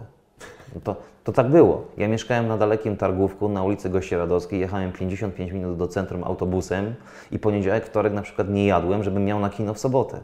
Ale może w jakiś sposób to jeszcze mnie wzmocniło. To, to gdzieś mój charakter zbudowało i, i, i, dlatego dla mnie nigdy Na nie pewno było... sprawiło, że częściej do kina chodziłeś. No dokładnie, dlatego kupiłem sobie wideo, żeby, żeby oszczędzić i jeść. Natomiast, no, no wiesz, to są takie rzeczy dzisiaj może takie trudne do zrozumienia, do przetrawienia. Ktoś tam mówi, nie, no gościu tam buduje jakieś opowieści dziwnej treści z dawnych lat, ale tak było. Tak było, ja to pamiętam i, i dlatego mnie potrafią rzeczy małe cieszyć. Nie cieszą mnie ścianki celebryckie, bo nie chodzę, bo uważam, że każdy człowiek, który jest zajęty, to nie ma na to czasu, żeby wtorek, środa, czwartek, piątek stać albo za kasę, albo za gadżet na ściance. Mnie to nie interesuje. Nie podoba mi się konotacja słowa celebryta w Polsce, i, i, bo, bo jednak w Ameryce jakby ta, ta, ta semantyka słowa celebryta jest super. Bo najpierw coś trzeba w życiu zrobić, potem zarobić, żeby być celebrytą. I trzeba coś opowiedzieć. U nas nie wiadomo, czasami, u nas czasami nie wiadomo, kim jesteś, co robisz, ale jesteś celebrytą, bo jesteś znany z tego, że jesteś e, znany. że jest miło i miło. A jak ty, jak, bo, bo wspominasz o swoim synu i bardzo mnie, e, no ja też na przykład mam taki dysonans z moim z kolei ojcem, on też był wychowany no, jeszcze w czasach PRL-u i też z, z, zapieprzał bardzo dużo i, i ciężko, żeby mieć tyle, ile ma dzisiaj, żebym ja się mógł wychowywać, ja zresztą i moje rodzeństwo wychowywać się w takich warunkach. No i mówisz, że twój syn może mieć trochę łatwiej, ale też widzę, że jesteś bardzo zaangażowany mimo wszystko w to, żeby go tam jakoś wychować i ukierunkować, nie? No tak, bo jest jednak dzisiaj tyle zagrożeń tego współczesnego świata, że yy, po pierwsze to widzę taki syndrom tej bananowej młodzieży. Ja nie powiem, że, wszyscy, że wszystkie dzieci ludzi bogatych Dzięki. to są, to są naprawdę, bo ty jesteś, no znam cię długo, ty jesteś człowiekiem, który ma swój system wartości, wiesz czego chcesz, yy, dostałeś jakiś fajny start od ojca, ale też nie oczekujesz tego, że będziesz przychodził raz w tygodniu, tato daj. No nie no, przy, przyjdzie mnie odebrać za chwilę. No, także... Nie, nie wyobrażam sobie takiego momentu. No to, ja, bym, ja bym to traktował Także w kategoriach jakiejś wiesz, mojej moralnej porażki też. Dokładnie, także ja nie lubię generalizowania, natomiast uważam, że wiele, wiele dzieciaków, właśnie tych bogatych ludzi jest naznaczonych, naznaczonych po prostu, mm, no nie wiem, pieniędzmi, podejściem do życia. Oni bardzo często popadają w jakieś swoje problemy życiowe, bo rodzice po prostu nie mają czasu z nimi rozmawiać, tylko wydaje mi się bardzo często, że są w stanie pewne historie zastępować pieniędzmi. A, a to, to Największy błąd, jaki rodzice mogą nie. popełnić według mnie. Nie poświęcisz dziecku czasu, jak z dzieckiem nie umiesz rozmawiać, jak dziecku nie wskażesz właściwej drogi, to, Skąd on ma to wiedzieć? to tego Z żadne, internetu? To, no dokładnie, tego żadne miliony nie zastąpią, a dzisiaj wiemy, no kiedyś, kiedyś co na mnie czyhało, jeśli chodzi o zagrożenia? To, że się mogłem napić taniego wina, tak? Albo, albo jakiegoś kiera, albo trefla, albo pika, albo i, i, i zdychać, bo, bo, bo siarka zostawała na wycieczce szkolnej w, w, nie wiem, w metalowym kubku. A dzisiaj jednak jest dużo tych używek, narkotyków, y, sekt, y, używek, y, dziwnych historii, gdzie, gdzie naprawdę jako rodzic no, musisz mieć troskę, musisz uważać, ale, ale przede wszystkim to dziecko musi być samo mądre. A żeby dziecko było mądre, to musi mieć mądrych rodziców, którzy Albo doświadczony. Albo mądrych i doświadczonych, którzy mu wskazują drogę właściwą. Py, py, pytanie ostatnie, bo już tak się żeśmy się rozgadali, no gadamy z, dobrą godzinę z okładem, ale e, ono jest w sumie chyba dla mnie najważniejsze. Mianowicie, kiedy mnie zaprosisz do Tajlandii? Kiedy chcesz? Kiedy chcesz? Ja, ja chyba jadę e, 7 albo 8 stycznia. To no, urodziny mam 12, No, tak? miesiąc. No to albo wpadaj, albo jak chcesz sobie zaprosić jakąś ekipę, to ci zostawię klucze. Tylko basen mi potem wyczyście. Dzięki Mati, że Dziękuję bardzo. bardzo się cieszę. Dziękuję, pozdrawiam. Ukłony dla wszystkich.